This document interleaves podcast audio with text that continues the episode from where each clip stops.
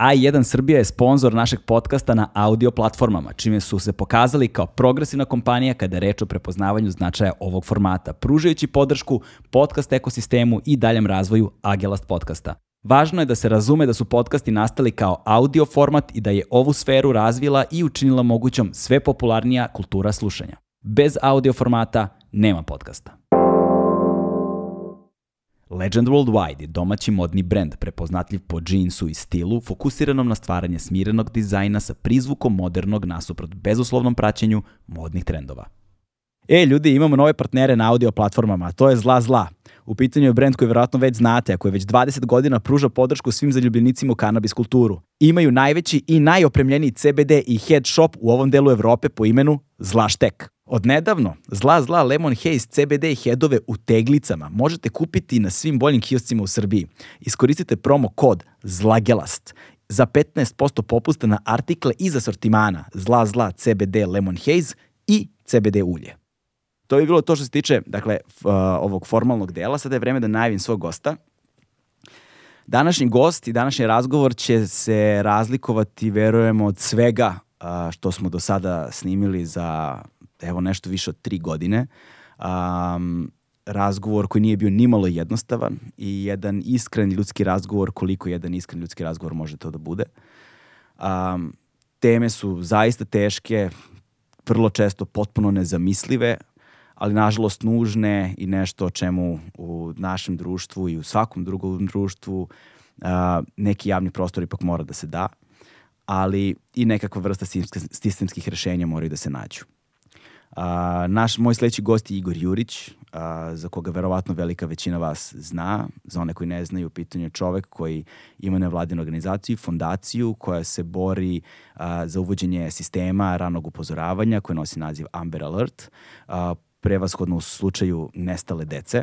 A, čovek koji je sam u, doživeo a, tragičnu sudbinu koja ga obeležila ceo život i o samom Amber Alertu, o sistemima prevencije, o sistemima zaštite, o sistemima um, podrške i kako to sve funkcioniše ili ne funkcioniše na osnovom sistemu, a, razgovarali smo u ovoj epizodi. Moj sledeći gost, Igor Jurić. Uživajte.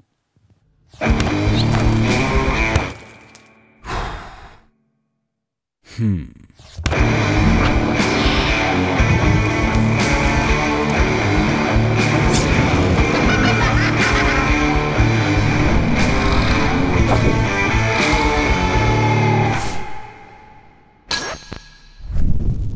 Igore, zdravo. Ej, pozdrav. Zdravo. A, kako si? E, dobro sam, dobro sam, dobro se osjećam. E, imam e, i neke ovaj puteve, putevi mi se neke bliže, vrlo bitni u nekom, nekoj bliskoj budućnosti, pa se i tome radujem, ali onako energetski sam pozitivno dobar. E, super, baš mi je drago. O, veliko mi je zadovoljstvo da si tu uh, danas. Uh, puno sam razmišljao o tebi, znaš, ali ovaj, da budem iskren, razmišljanje o tebi nije jednostavan posao. Ovaj, jer čovek nekako naš, nosi to neko ambivalentno osjećanje i uh, spremanje za razgovor sa ljudima poput tebe nikad nije jednostavna stvar. Znaš. A opet, s druge strane, mislim da je ono što radiš stvarno važno i čekao sam nekako pravu priliku da te pozovem i ova kampanja poslednja koja je bila sa Amber Alertom, mislim da je bio da je bio konačan ono pravi povod, rekao je sad je pravi trenutak da pozovem čoveka i da porazgovaramo malo o svemu što radiš i o nekim mnogo dubljim i ozbiljnim stvarima za, o, za koje nažalost u tradicionalnim medijima nema dovoljno prostora da se o njima govori, s jedne strane, a i s druge strane kad god ideš nekako te zovu podređenoj vrsti dužnosti. I onda imate uh, ono broj tema i fokus na te teme je vrlo specifičan i onda ne možemo da damo jednu širu sliku onoga sa čime se boriš, sa čime živiš uh, i zašta se zalažeš i znaš, kako, kako godine prolaze i kako se stvari u društvu menjaju. I na koji način ti utičeš na to, odnosno tvoja organizacija. Um, Uh, pre svega, hajde da pomenemo nekako taj Amber Alert, jel te? Ovaj, kako je prošla kampanja? Koja, i, ajde reci nešto samo o kampanji za one koji možda ne znaju, pa da vidimo kakvi su rezultati. Ma da, m, kampanja je prošla stvarno fenomenalno, bez obzira što smo, znaš kako, mi smo od 2015. godine bukvalno u toj kampanji vezano za Amber i uh, znaš, nije ovo sada iznenađenje. Mi smo imali ono više od milion ljudi nas je podržalo u jednoj kampanji. To je stvarno jedna fascinantna brojka, ali sa druge strane kada znam da od 2015. godine uporno govorimo o tome, uporno pravimo video spotove, objašnjavamo ljudima, konstantno pišemo uh, in, institucijama vezano za, za uvođenje sistema, objašnjavamo kako sistem funkcioniše u drugim zemljama, uh, nekako nisam se ni iznenadio i da je bilo da je bio neki loš odjek, to bi bilo za mene iznenađenje. Ovo je, jeste onako, e, dobilo je mnogo na snazi, ali tu moram da, da istaknem i da smo imali pomoć ljudi koji su vrlo jaki na društvenim mrežama i uh, uspeo sam da se dobro konektujem sa tim ljudima koji su pritom uh, vrlo onako veliki i dobri ljudi mm. i dobri ono pozitivci su i uh, uspeo sam da da se konektujem sa njima, oni su mi i nekako uh, oni su nam našem timu nekako dali neke dobre savete, uključili smo ovaj jedan broj tih ljudi i to je bukvalno eksplodiralo. Da. Dakle, to je bilo ludilo, sećam se, ovaj naravno to je sad bilo pre par dana, ali ali uh, sećam se jednog tvita koji je taj dan jedna devojka napisala na, na Twitteru, kaže ako mi ovaj Igor Jurić još jednom iskuči, ja ću se ubiti. Jer je taj dan ono bukvalno bilo, ono kao, kao idu tri Amber alerta, Amber alerta pa ono jedna, jedna normalna objava. Mm. I tako stvarno je ono, ot, otkinuli smo baš uh, super taj dan i, uh, i ono što do sad nismo imali i gde nas ljudi možda nisu ovaj nisu znali tu priču, raspitali su se ako ništa drugo šta je Amber Alert i, mm. i, i to je dobilo onako baš na značaju. E, ajde se da kažemo ljudima malo šta je zapravo Amber Alert. Uh, ja sam se prvi put s njime sreo zapravo kada sam prvi put otputovao u Sjedinje američke države. Doduše, sva sreća nisam naleteo na Amber Alert kakvim se vi bavite, odnosno nije, nije bilo ništa u vezi sa nestalim licima, mm. nego su izlazila obaveštenja o vremenskim nepogodama. Da. Jer sam ja odlazio neko, lo, dosta, odlazio sam u februaru, a, bilo je dosta jel, hladno i tako dalje, uzeli smo renta kada smo bilazili Ameriku i onda se, zavi, pošto je velika zemlja, jako je važno bilo da obraćam pažnju na vremenske ovaj, okolnosti i tada ne se zatekao neki strahovit sneg gde smo imali malo saobraćajnu nezgodu ovaj, vidljivost nula praktično i onda, je, i onda su bila to upozorenja, meteo upozorenja su zapravo bila na osnovu koji smo mi planirali naše putovanje. Ovaj, ali reci nam ti malo više zapravo Amber Alert. Pa upravo ovo što si ti rekao je stvari bio povod da jedan takav sistem zaživi vezano za, za nestalu decu. Dakle, kada je mala Amber Hagerman, uh, ona je 96. godine oteta i ubijena je, nije se ubica nikada pronašao, majka od, od devojčice je uh, ono, zaista bilo u čudu. I to je bilo neko i moje viđenje cele situacije kada je Tijana nestala. Dakle, zašto kao društvo nismo uradili nešto više da se, da se dete pronađe. I tako je upravo i ona rezonovala celu priču. Dakle, postoji sistem, ovo, ovaj sistem koji si ti pomenuo, postoji sistem obaveštavanja javnosti kada, su, ono, kada se bliže neke vremenske nepogode. A ne postoji jedan sistem obaveštavanja javnosti da je nestalo jedno dete. I to mm. je ono, uh, neću, neću da poredim, mislim, sve je, ajde, uslovno rečeno opasno, ali ako gledaš da je oteto dete da. Uh, i da se bori za život negde, a da ti ono jednostavno čekaš i šta će se desiti, onda uslovno rečeno reći samo to nije fair, mm. uh, u najmanju ruku.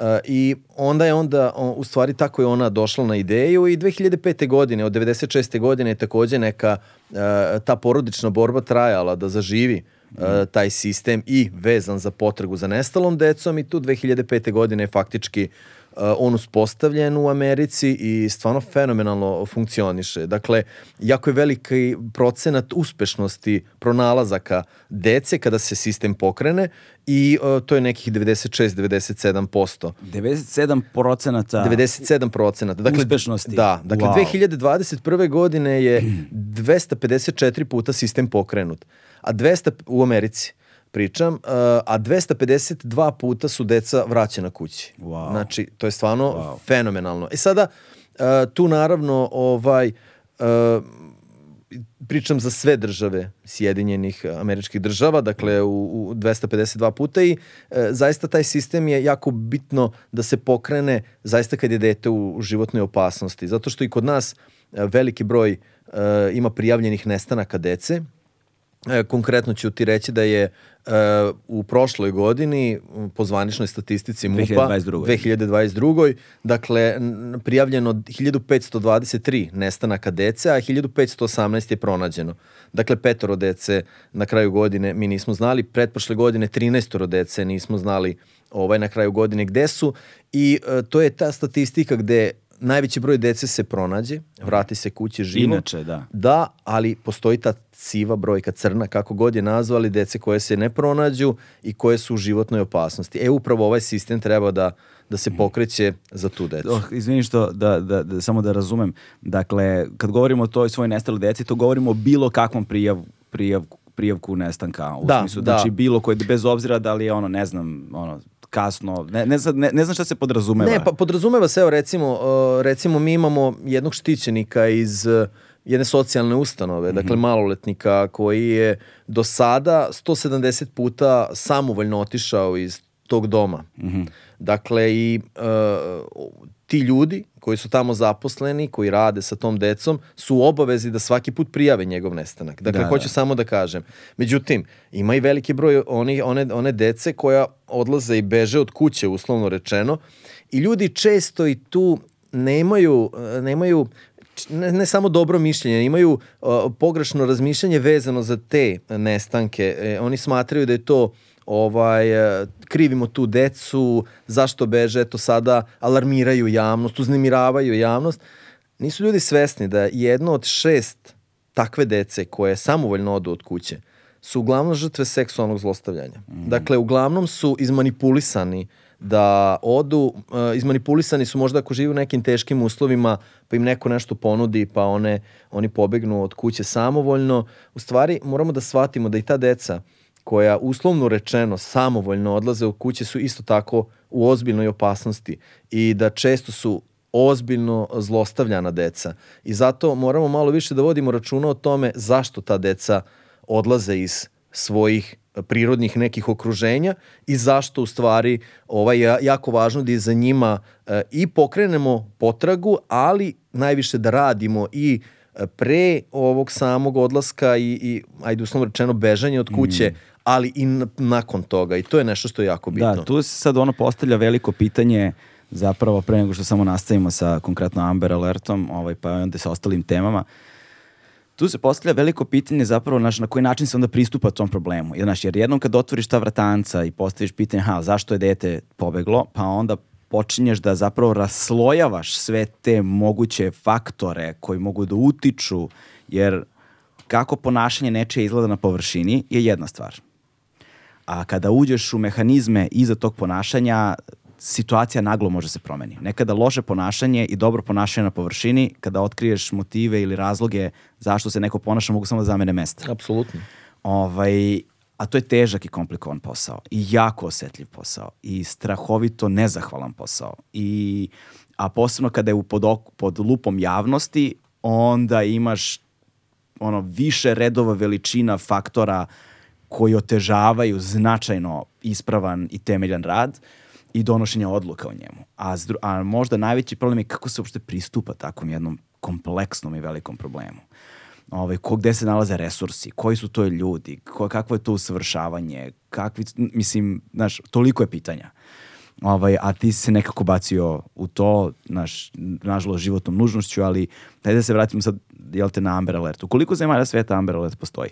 Pa on uh, postoji u velikom broju zemalja sveta, u, u Evropi konkretno on postoji u 21 zemlji, uh, u šest zemalja je takođe već u, u nekom razmatranju za uvođenje samog sistema, a mogu da kažem evo da, da, da će, nadam se, sad, sad smo onako vrlo izvesno, da će Srbija biti e, 22. zemlja i da će povući, to zaista verujem, i druge zemlje iz okruženja. Meni su se već javile e, organizacije iz Bosne, iz e, Makedonije, iz Crne Gore, koje su zainteresovane i mislim da će tek tada, ako zaista region e, bude imao taj sistem, da će to biti potpuno smisleno i da će tek tada on biti potpuno efikasan onako baš e, da funkcioniše onako kako funkcioniše u Sjedinjenim državama. Dakle, ja bi ono, iskoristio bi priliku s obzirom da, da je i tvoj podcast gledan, iskoristio bi priliku samo da, da objasnim ljudima kako on funkcioniše. Dakle, e, jako je e, važno da, da, da ljudi znaju da postoje određeni kriterijum i to je ono čemu sam rekao da se ne pokrene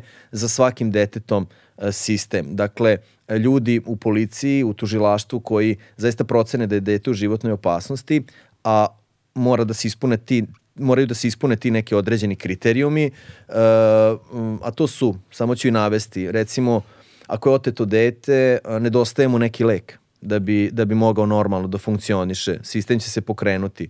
Ako je recimo otmičar e, jedan od roditelja, pa je možda ostavio neko oprošteno pismo ili se zna da je roditelj patio možda od neke bolesti ili slično psihopatske ili, ili neke druge vrste, pokrenut će se sistem. Ako je dete mlađe, recimo u nekim državama je to 10 godina, u nekim 13, u nekim 15, ako dete takvog doba ovaj, uzrasta nestane, pokrenut će se automatski sistem.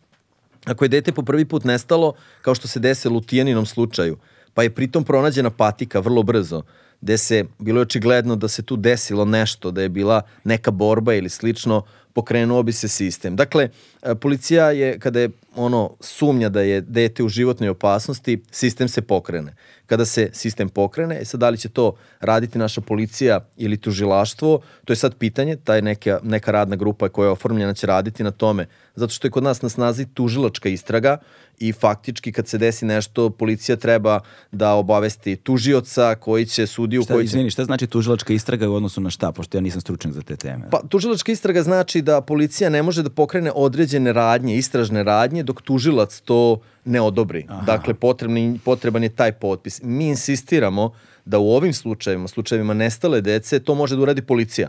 Da bez, se, bez tužilaštva. Bez tužilaštva. Dakle, da, da može mnogo brže da se reaguje. Ne kažem, i u ovim, uh, u ovim slučajevima se to relativno brzo može rešiti, ali u Beogradu, u nekim manjim mestima u Srbiji, gde često vikendom recimo nemaš nadležnog sudiju, tužioca koji mogu da potpišu možda neke mm. dokumente, to zna da bude otežavajuća okolnost. Zbog toga mi insistiramo da to bude policija koja će kada je u slučaju nestanka deteta da u tom slučaju mogu oni sami da pokrenu, posle administracija da radi svoj neki deo. Uh, dakle, kada se to pokrene, uh, svi mediji u Srbiji su obavezi da prekinu emitovanje svog programa i da objave fotografiju nestalog deteta i druge informacije. Dakle, kako je dete bilo obučeno, gde se dete poslednji put nalazilo, da, da, da li je bilo u kontaktu sa nek, da li je možda viđen auto e, koji je možda bio tu u blizini, gde je možda neki osumnjičeni otmičar ili slično.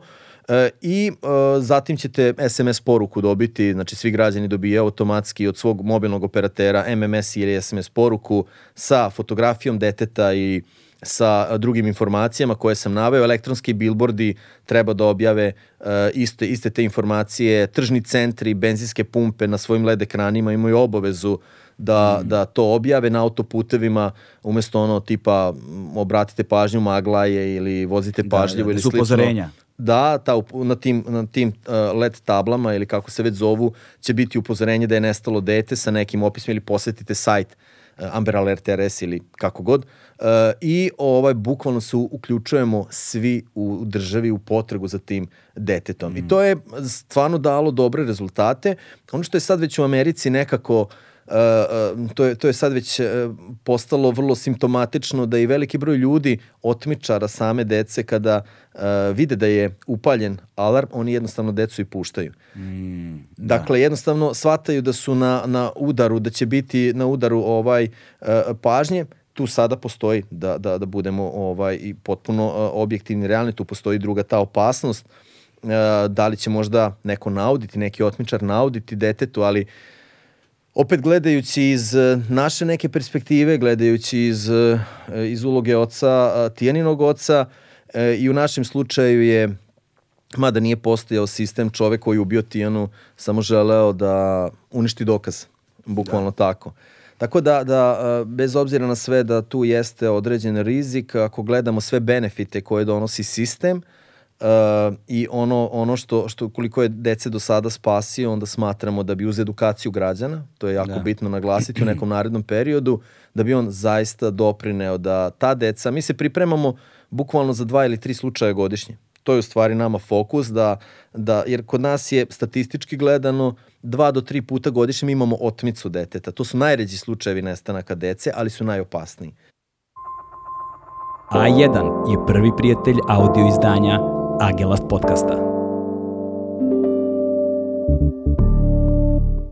Da. Mi se u, u stvari pripremamo za te slučajeve kada je dete u životnoj opasnosti da se pravovremeno reaguje i da mu mm. damo šansu za život. Da, s druge strane razmišljam sad nešto, ukoliko bi recimo Amber Alert stupio na snagu, ono, zakonski, jel te, kako sad to već funkcioniše, sad ćeš ti to nam, da nam objasniš, uh, on na jedan način, činjenica da uopšte postoji, bi možda služio i kao prevencija u velikom broju takozvanih, nazovimo ih, ne znam, ono, uh, slučajeva gde postoji ikakva sumnja onda može da se odvrati počinilac ono, činjenicom da postoji mnogo veća šansa da bude uhvaćen. Ne, ne, sa upravo to, da, da. da, upravo to. To, to, to, je, to je sad već, to pokazuje sistem u Americi.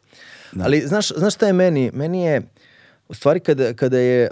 Uh, kada je Tijana nestala i kad se sve to završilo, uslovno rečeno, posle nekoliko meseci ja sam mnogo razmišljao naravno o tome. I uh, u stvari taj sistem uh, i način kako da pomognemo deci uh, meni u stvari nije, nije me asocirao i nije me motivisao samo Tijanin slučaj. Jako me je motivisao slučaj devojčice Ivane Podraščić. Mm. Ne znam da li se sećaš tog slučaja i te devojčice. To je zapravo bilo ubrzo nakon Tijane. Znači tu je negde uh, bukvalno ne, nije dve nedelje prošlo. Mm. Od momenta kada je Tijana nestala. Uh, nestala je Ivana Podraščić. Ivana Podraščić je devojčica za koju siguran sam 99% građana u Srbiji više ne zna. A to je devojčica koja je nestala bukvalno istih dana kao Tijana. Istih godina, 15 godina je ona tada imala, kao Tijana. O Tijani su svi pisali. Dakle, mediji, čak i ja sam živio u Belgiji, pa evropski, pa i Interpol raspisao poternicu, pa, pa znači, nema ko se, digla se Srbija. Za Ivanom niko nije dva teksta napisao. Dva teksta. Hmm. I sad, ja sam zaista bio onako, mislim, Tijana je moje dete, ja Tijanu najviše volim na svetu, ali sam stvarno video, a u čemu je razlika između Ivane i Tijane? Mm. Koja je tu razlika? Da li postoji uopšte razlika? Ne postoji. Postoji razlika jedino u tome da li je u tom momentu medijima interesantan Tijanin otac, a Ivanin nije. Mm. Da li je ta priča možda interesantnija uh, i više bolje će se prodati nego Ivanina priča? Da li Tijanina priča je u tom momentu inter interesantnija? I onda sam zaista došao do toga da u stvari, uh, a potpuno sam siguran da se Tijanin ubica ne bi pronašao da nije toliko otišlo daleko, jer je bio jako, jako težak slučaj. U smislu da čovek nikad nije poznavao ni video Tijana, da nisu imali nikakav kontakt pre toga, da su bukvalno jedan susret ono što kažu pogrešno vreme, pogrešno mesto, tu su se našli, on je odlučio, on je imao nameru da otme neko dete te večeri, bar tako je pričao u sudu, ali da je, da je eto Tijana baš bila ta. I e, mi smo pokrenuli državu, stvarno je ovaj, e, to, tih dana država samo, i u celoj državi se samo o tome pisalo. Međutim, Ivana je pronađena sasvim slučajno jer je od tog čoveka, Darka Kostića, jedna uh, devojka, žena je bukvalno pobegla, što kažu, ispod noža i prijavila policiji i onda su kod njega pronašli telefon male Ivane i on je, eto, mogu reći sasvim slučajno razotkriven, tačnije sudbina devojčice je tako otkrivena. I meni je u stvari bilo zašto svako dete ne dobije istu šansu? Da li je potrebno da imaš snage kao roditelj da se boriš, da izlaziš u medije, da pričaš, da, za oko, da, da to bude interesantno ljudima koji prave tekstove e, ili je sasvim logično da se za istim detetom isto traži, isto da. reaguje, da isto brinemo, da, da, da isto pažnju dobije. I to je u stvari meni bio povod i mislim da bi ovakav sistem zaista doprineo da svi mm. dobiju istu pažnju i jednaku šansu. Da, mi razgovarali smo na dvojica prošli put ovaj, o, o ovome na, na sličan način. Je, nisam razmišljao do duše u, u ovom specifičnom slučaju ovaj, i iz ovog ugla, ali prvi put kada sam pomislio na tu vrstu nepravde, društvene nepravde u širem smislu, jeste kada su počeli, kada smo počeli prvi put da skupljamo one SMS-ove za bolesnu decu.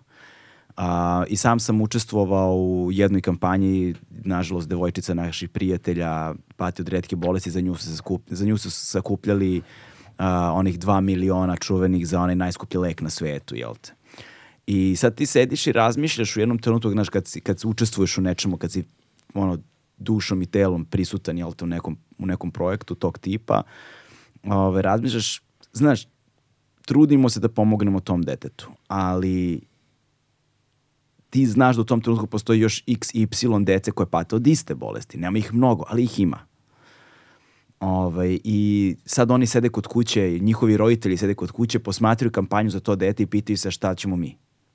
Zašto ne mi? Znaš, taj, taj, to osjećanje nepravde, ne, da, da kažemo na neki način. Znaš, ne, jako trudim se da ono pažljivo pričam, ne, znaš, hodam po jajima, ali, jer, je, jer je takva tema, ali, ali se trudim da budem otvoren. Znaš, I, i, ovaj, onda se pita zašto nemamo neko sistemsko rešenje, gde onda baš to kao što si ti rekao, ne zavisimo od toga da li roditelji imaju dovoljno socijalnih vešti, društ, veština, ono, mrežu poznanstava, a, finansijskih sredstava, da li su dovoljno obrazovani, da, dovoljno bogati, iz dovoljno urbane sredine i tako dalje. Mi mnogo, opet, opet ne, ne prebrojivo mnogo faktora koji bi uticali na, na, na, na, na konačan ishod, iz, ishod uh, slučaja svakog pojedinačnog deteta, nego da imamo to, baš sistem neki koji bi nekako nekako izjednačio svu tu decu po vrednosti i značaju, barem u onim aspektima u kojima mi kao društvo to možemo da uradimo. Apsolutno. I evo danas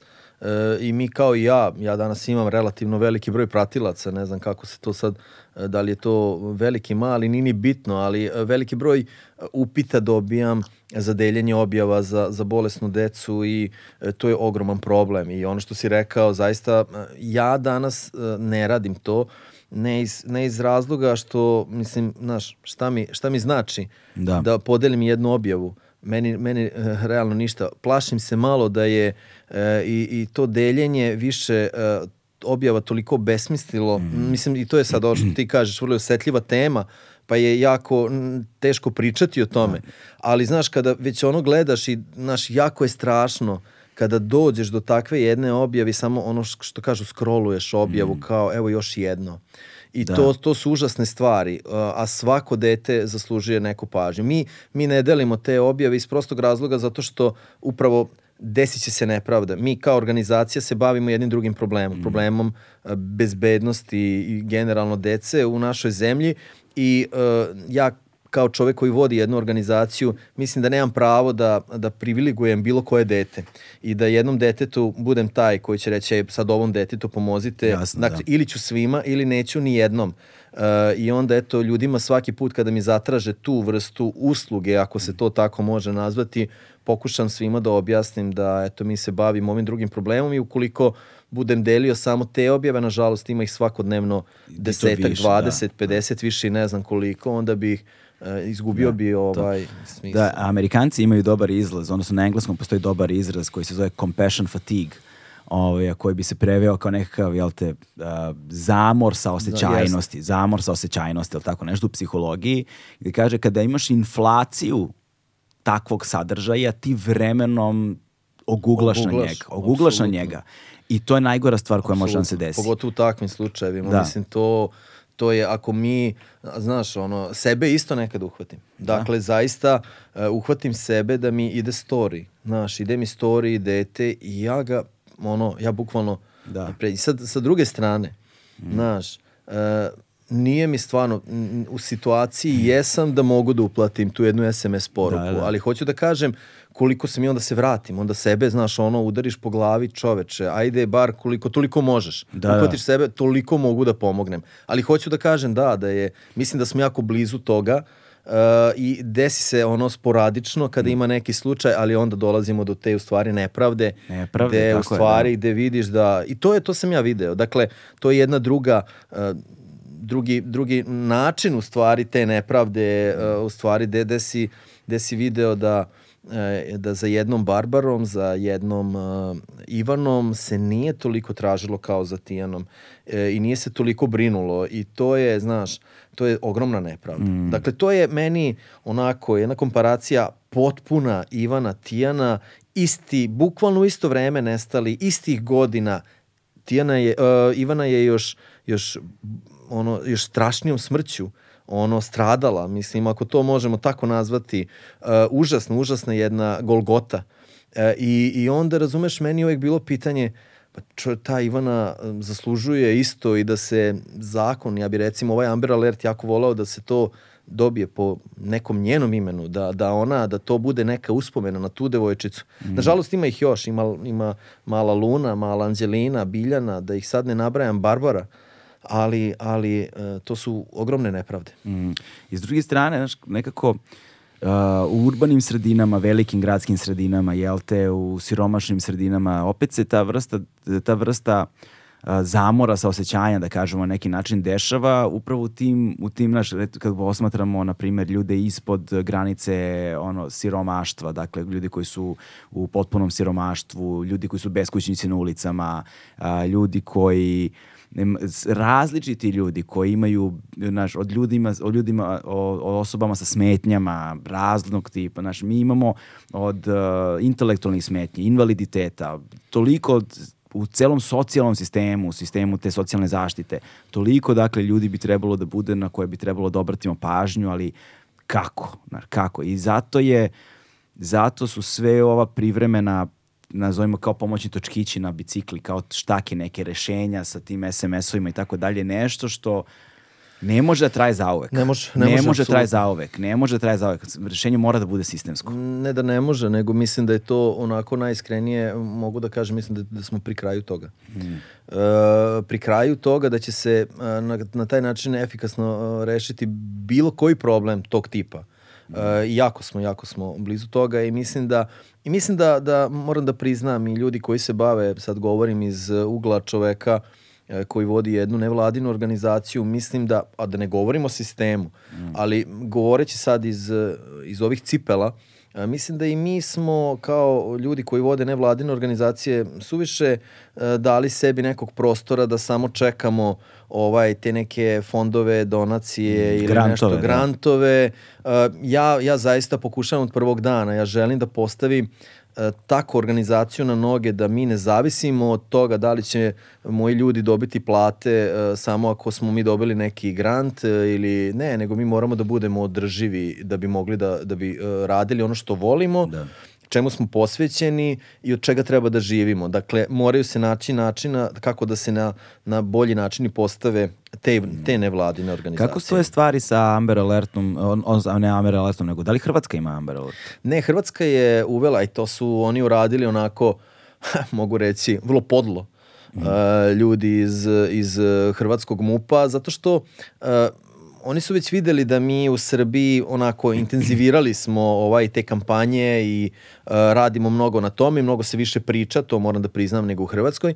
Onda su oni uh, uveli Neno alarm, a Neno alarm, uh, Neno je u stvari uh, nacionalna evidencija nestalih osoba. Mm -hmm, okay. I oni imaju taj javni registar nacionalnih, uh, nacionalnu evidenciju, kako oni zovu, tih nestalih osoba. Uh, u Srbiji to recimo ne postoji. Ja se nadam da ćemo uspeti da, da i to ovaj e, rešimo i taj problem. Mislim da je Srbija, čini mi se, jedina zemlja u Evropi koja nema javni registar nestalih lica, što je jako važno i pojasniću Zašto? I onda su oni, kao da bi pokazali sad nešto da, da rade, uslovno rečeno, oni su uh, uveli taj Neno Alarm koji inače već postoji Meta kao vlasnik uh, Instagrama i Facebooka. Oni, Aha, Meta kompanija. Meta kompanija, da, oni već imaju taj sistem da u krugu kada nestane dete, recimo u krugu od 150 km, onda policija njima da objavu da je nestalo jedno dete i onda oni na svojim uh, mrežama ovaj podele uh, taj nestanak, objavu da, da. tog nestanka. Verovatno targetiraju korisnike koji su relevantni za te re, to, re, reon. Upravo to. Međutim, međutim, poenta je drugačija. Poenta je da, da ne bude to samo na društvenim mrežama, nego ovako kako mm. sam i, i objasnio i to će biti zaista pravi sistem i onda su oni tu, ajde da kažem, hteli da pokažu isto kao što je i prethodni ministar u našoj vladi, u, u ministar unutrašnjih poslova, isto tako želeo da prikaže kao nešto radi, na tome stvari nije radio ništa, tako su i oni oni to uveli. Nema ni jedna zemlja u regionu ex Jugoslavije, dakle nema ni Slovenci, nema, ni Slovenci nemaju.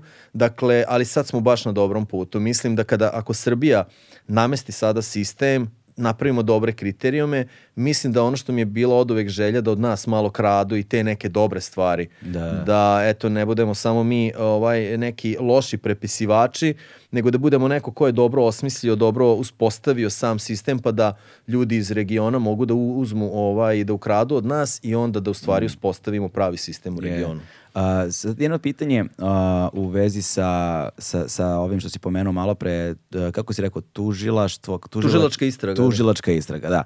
E, u vezi sa tužilačkom istragom, dakle, vi se zalažete za to da zapravo direktno policija donosi odluku. Uh, koje su, sad, pošto prosto ne poznajem stvar dovoljno dobro, pa moram da pitam, uh, u koje su prednosti i mane tog sistema? Prednosti su očigledne, jer ne mora se čeka tužilaštvo da da nalog, pa i onda negde se skraćuje vremenski period objave, dakle, odnosno inicijacije Amber Alerta. Ali koje, su, koje bi bile mane? Šta bi bilo prepreka? Pa nema, ja sad da ti kažem, najiskrenije mnogo smo ovaj razmatrali ovaj tu celu priču i vezano sa tih pozitivnih, ali i negativnih aspekata da, da, da. i negativnih strana. Jel postoji e, neka mogućnost nekakve zloupotrebe ako pa, policija, na, na, pa, ne, ne znam, pitam. Apsolutno znam ovaj, i na čemu zasnivaš pitanje, ali, ali e, ne postoji. Dakle, e, bez obzira što, evo sada, sad je bila ono, u pitanju je bio izmena, u stvari policija je želela da uradi e, izmenu zakona o policiji vezano za za ovo biometrijsko praćenje Aha, ljudi. Da. To je onda je tu tu je bilo ovo pitanje i e, sam ministar je u jednom momentu kad su imali ovaj e, taj sastanak sa i nevladinim organizacijama između ostalog naveo da bi e, takav sistem e, pomogao i ovaj u, u kad kažem rešavanju slučajeva recimo nestale dece. I to je sigurno tako. Dakle ja moram da kažem da takav sistem biometrijski sistem postoji u najvećem delu najvećem delu ovaj zapadnih zemalja i razvijenih zemalja. Međutim ovde mogu da kažem i sa razlogom izgubljeno je poverenje u institucije.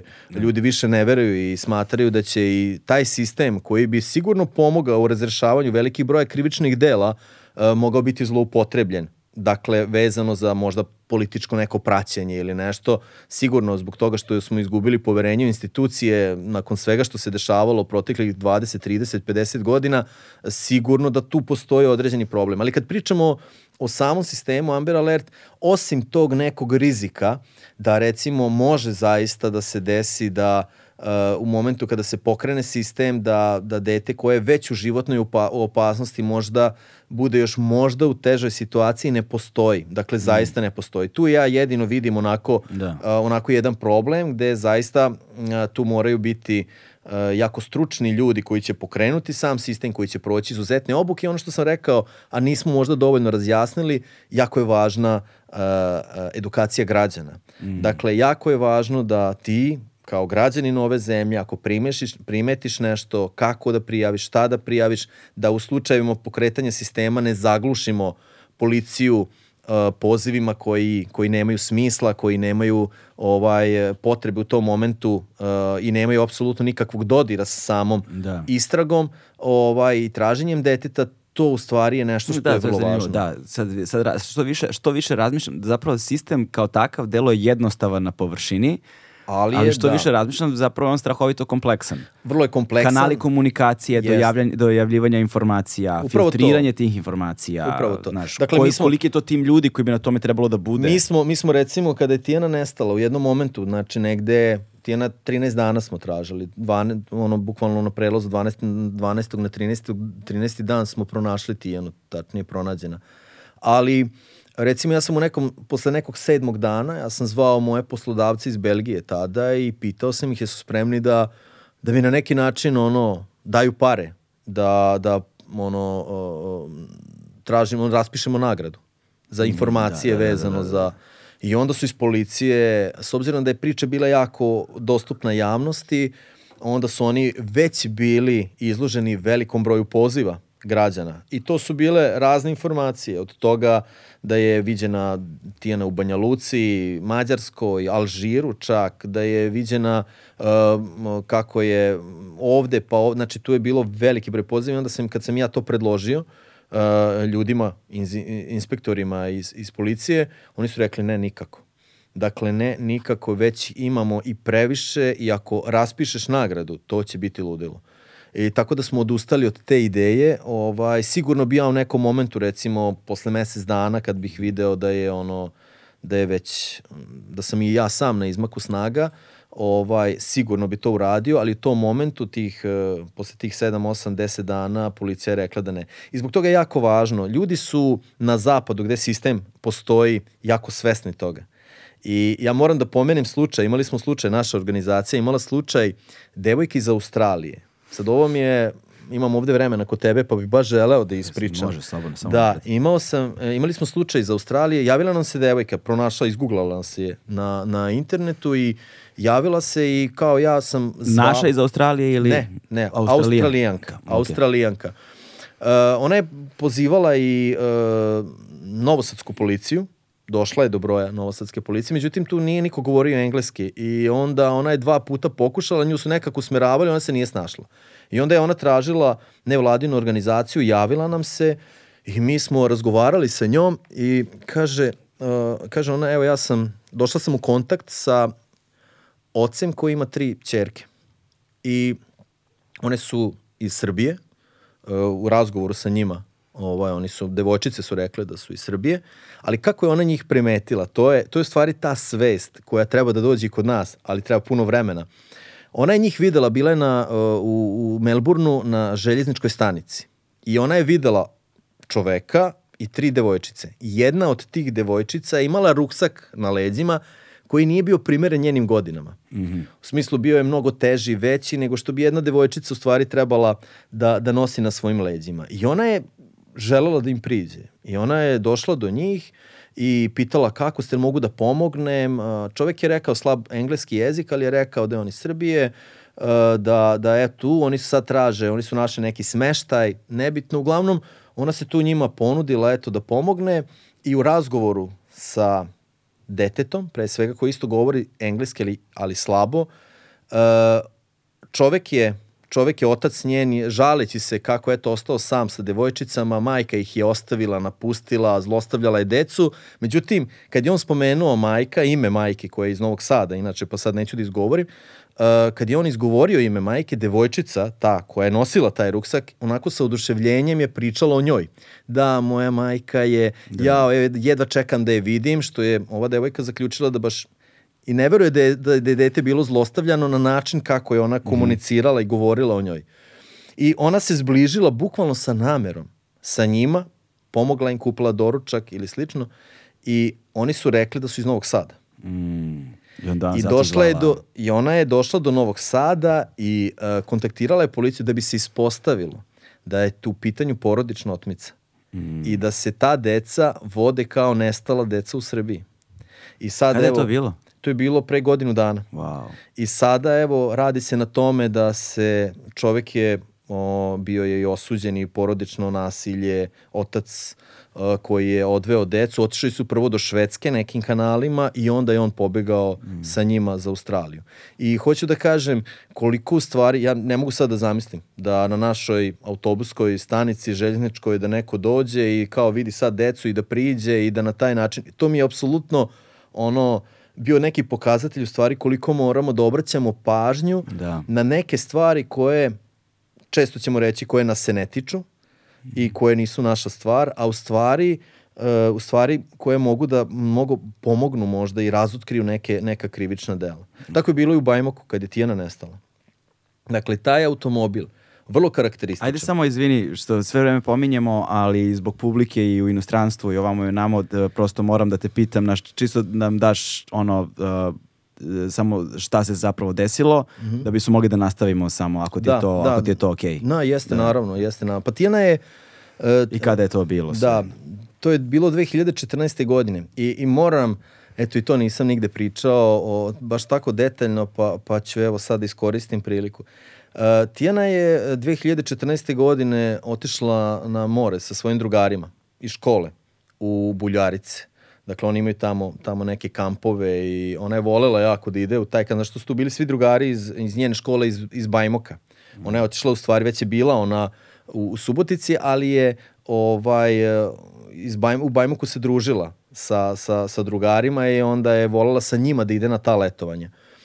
I pošto u Bajmoku žive roditelji Mirjane, majke, mm. Tijanine majke i Saškine, i ovaj, tamo sam ja išao u školu, tamo išla i Mirjana i um, tako je logično bilo da svako leto, svaki vikend smo provodili tamo u Bajmoku.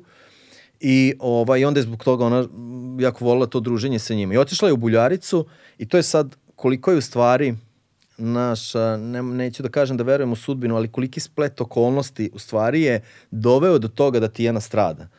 Uh, Tijana se vrati, Tijana se vrati tog uh, 25.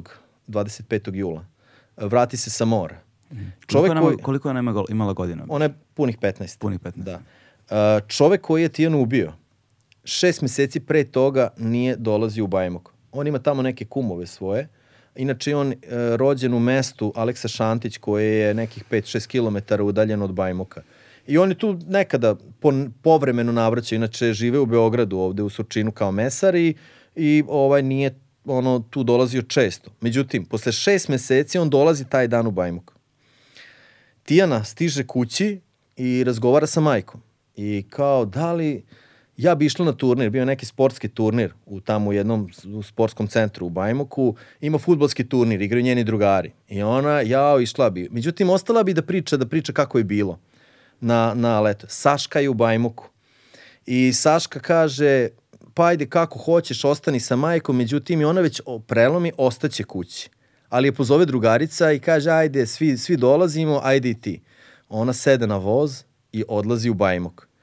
Uh, ona je bila na tom turniru. Taj turnir je ono noćni turnir bio leto, selo, mm. ono sa drugarima i ona je dok je njen drugar igrao futbal, tu neku utakmicu, ona njemu on, on je dao bacio duks, da je pričuva duks dok uh, on igra utakmicu.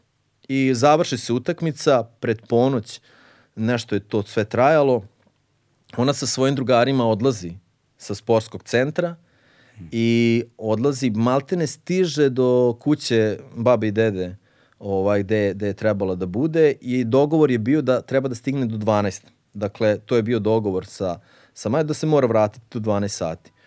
I ona se vraća i na nekih 100 metara, bukvalno, od kuće, a taj sportski centar je udaljen kilometar i 200 mm -hmm. kada, od, od kuće gde, gde je ona, ona bila, ona shvati da je tu duks. Ja. Ona gleda na sat, ona gleda na sat, sad to pričam, to da, su, uh, da. ona je sa drugarima bila i ona gleda na sat i kaže imam vremena da otrčim, da vratim dečaku duks, da bi stigla do vremena kad sam ono trebala. Jer Tijana je bila uh, izuzetno odgovorno dete. Dakle, ona ne bi zakasnila nikada ni mm. sekundu. I ona odlazi, i ona odlazi, čovek koji je, uh, koji je ubio, on je kružio, on je bio pod uticajem alkohola, on je kružio i tražio žrtvu. Dakle, to sad pričam opet ispovest sa suda i on je tu kružio i on je došao do sportskog terena tu su oni već pakovali, ono ozvučenje je bilo neko i šta se tu dešavalo i on napravi polukrug, polukrug i sad uh, od tog sportskog terena do puta jednog koji je ono ulični neki put asfaltiran, ima jedan put koji je ono letnji put, klasičan, gde nema ni osvetljenje. I Tijana tu dolazi, dolazi sa tog asfaltnog puta, on je ovde napravio polukrug i oni se bukvalno sreću uh, na tom na tom letnjem putu gde je mračno, on otvara vrata, udara je, ubacuje auto e, i tu je udario nekoliko puta da bi bukvalno nesposobio. E, odveo je nekih kilometara e, i po udaljeno vazdušnom linijom od mesta gde je oteo. Ovaj tu je zlostavljao i na kraju ubio. I to je, to je, ovaj, to se tada tako desilo, ali hoću da kažem, koliki je to bio splet okolnosti, da. koliko je malo trebalo, e, bukvalno ne znam, možda minut, dva, da ona ili ne dođe ili da dođe kasnije kad je on već otišao na taj osvetljeni deo ulice, da ona ne ode i tako. Tako je u stvari, ovaj, tako je ona oteta prvo mm. i onda je polici, mi smo, u stvari Saška je odmah alarmirala, ona kad se nije javila, na telefonu je telefon bio na vibraciji i ona ga je sakrila, vrlo svesno. Ona ga je sakrila u autu, telefon je zvonio, zvonio uporno, svi su je zvali, sve dok se nije baterija istrošila. I ovaj otmičar, čovek koji je ubio je bukvalno ubacio kasnije u gepek e, i izveo onako potpuno ajde mirno, bez ikakvih problema, čak je prošao pored kuće gde, je, gde, su, gde su okupili već ljudi koji su je tražili, ovaj, prošao pored policijske stanice, izveo je iz iz tog, iz Bajmoka, iz tog sela i ono potpuno bezbedno otišao ovaj, onda je prvo zakopao je, u stvari nije zakopao, nego je na divljoj deponiji između uh, Svetozara Miletića i Čonoplje, to, je, to su dva sela u Vojvodini, kod Sombora, on je znao, pošto je tu žive, on je znao da tu postoji jedna divlja deponija. I on je tu došao, prvo je ubacio samo u, u jedna kućica, neka trošna kućica koja je služila tu za nešto, nemam pojma za šta, i otišao je do Sombora i onda je shvatio da će telo biti brzo otkriveno. I onda se otišao je u Sombor, otišao je u prodavnicu, u kinesku neku radnju, tamo je kupio neke kese, one džakove bukvalno, i onda je ubacio to i ovaj e, zakopao je tamo na to divlje e, to tu divlju deponiju. I ovaj i onda i na sudu je na sudu je čak jedan od dokaza nam bio kako je pretraživao na internetu uh, kako se kako se telo raspada što brže. Mm. Jer je hteo da da ovaj uništi ovaj te dokaze i i tako eto to je to je ta priča. Da. CBD je, pored THC-a, najistraženiji kanabinoid iz sveta industrijske konoplje, samo što on nema psihoaktivno dejstvo. Mnoge studije potvrđuju njegove pozitivne efekte i pomoć pri problemu sa spavanjem. CBD ne uspavljuje niti omamljuje, ali je san čvršći i kvalitetniji. Tako reći, budimo se odmorniji.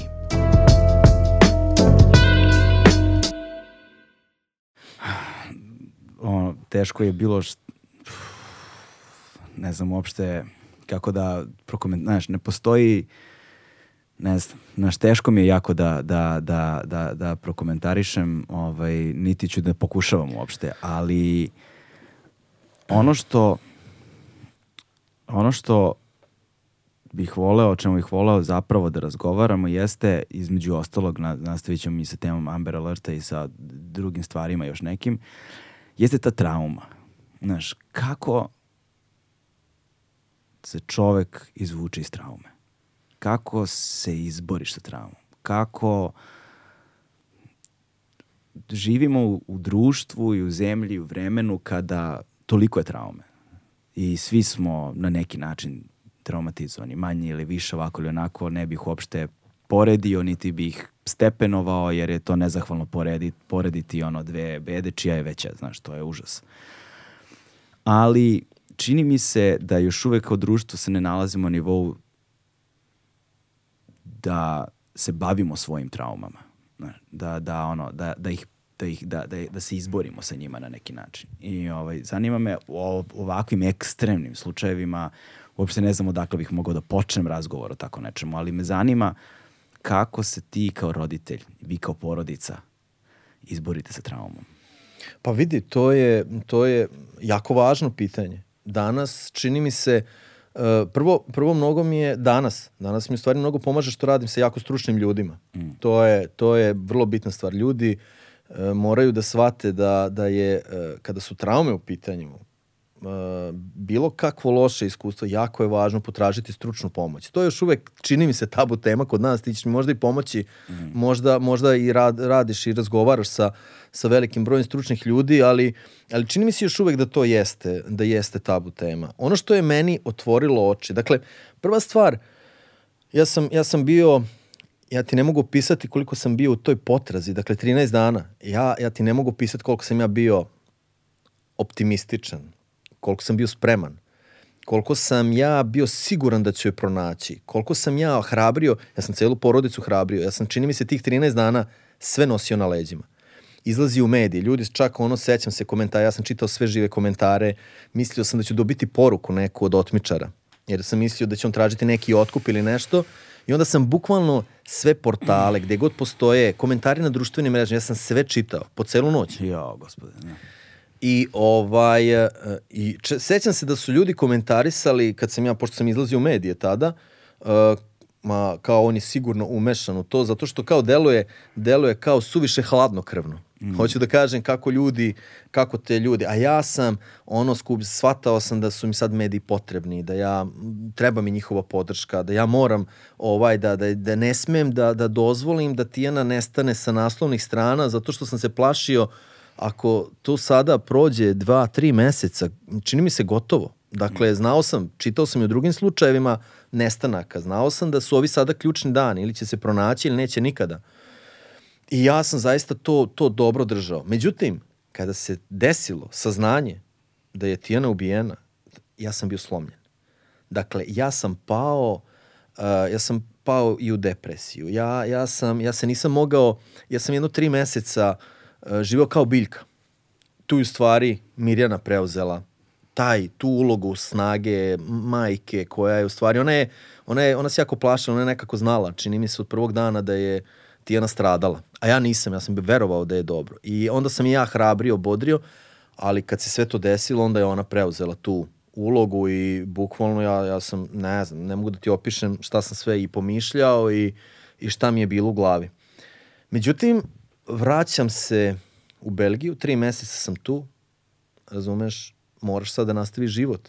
Nema, nema, moraš nečeg da živiš. Ne možeš više da, ono, ljudi u Belgiji su bi imali i više nego razumevanje. Ili ću se vratiti ili ostati, oni me sad već pišu šta si odlučio. Ne, ne presiraju oni mene, jasne, ali jasne. jednostavno ti moraš da doneseš neku odluku. Ja kažem, vraćam se, ja se vratim e, i mene čeka poziv od policije. Mm. Poziv od policije da se javiš u policijsku upravu. E, to se, Otini se zove mesto, to je neki 20 km od Brisela gde sam ja živeo.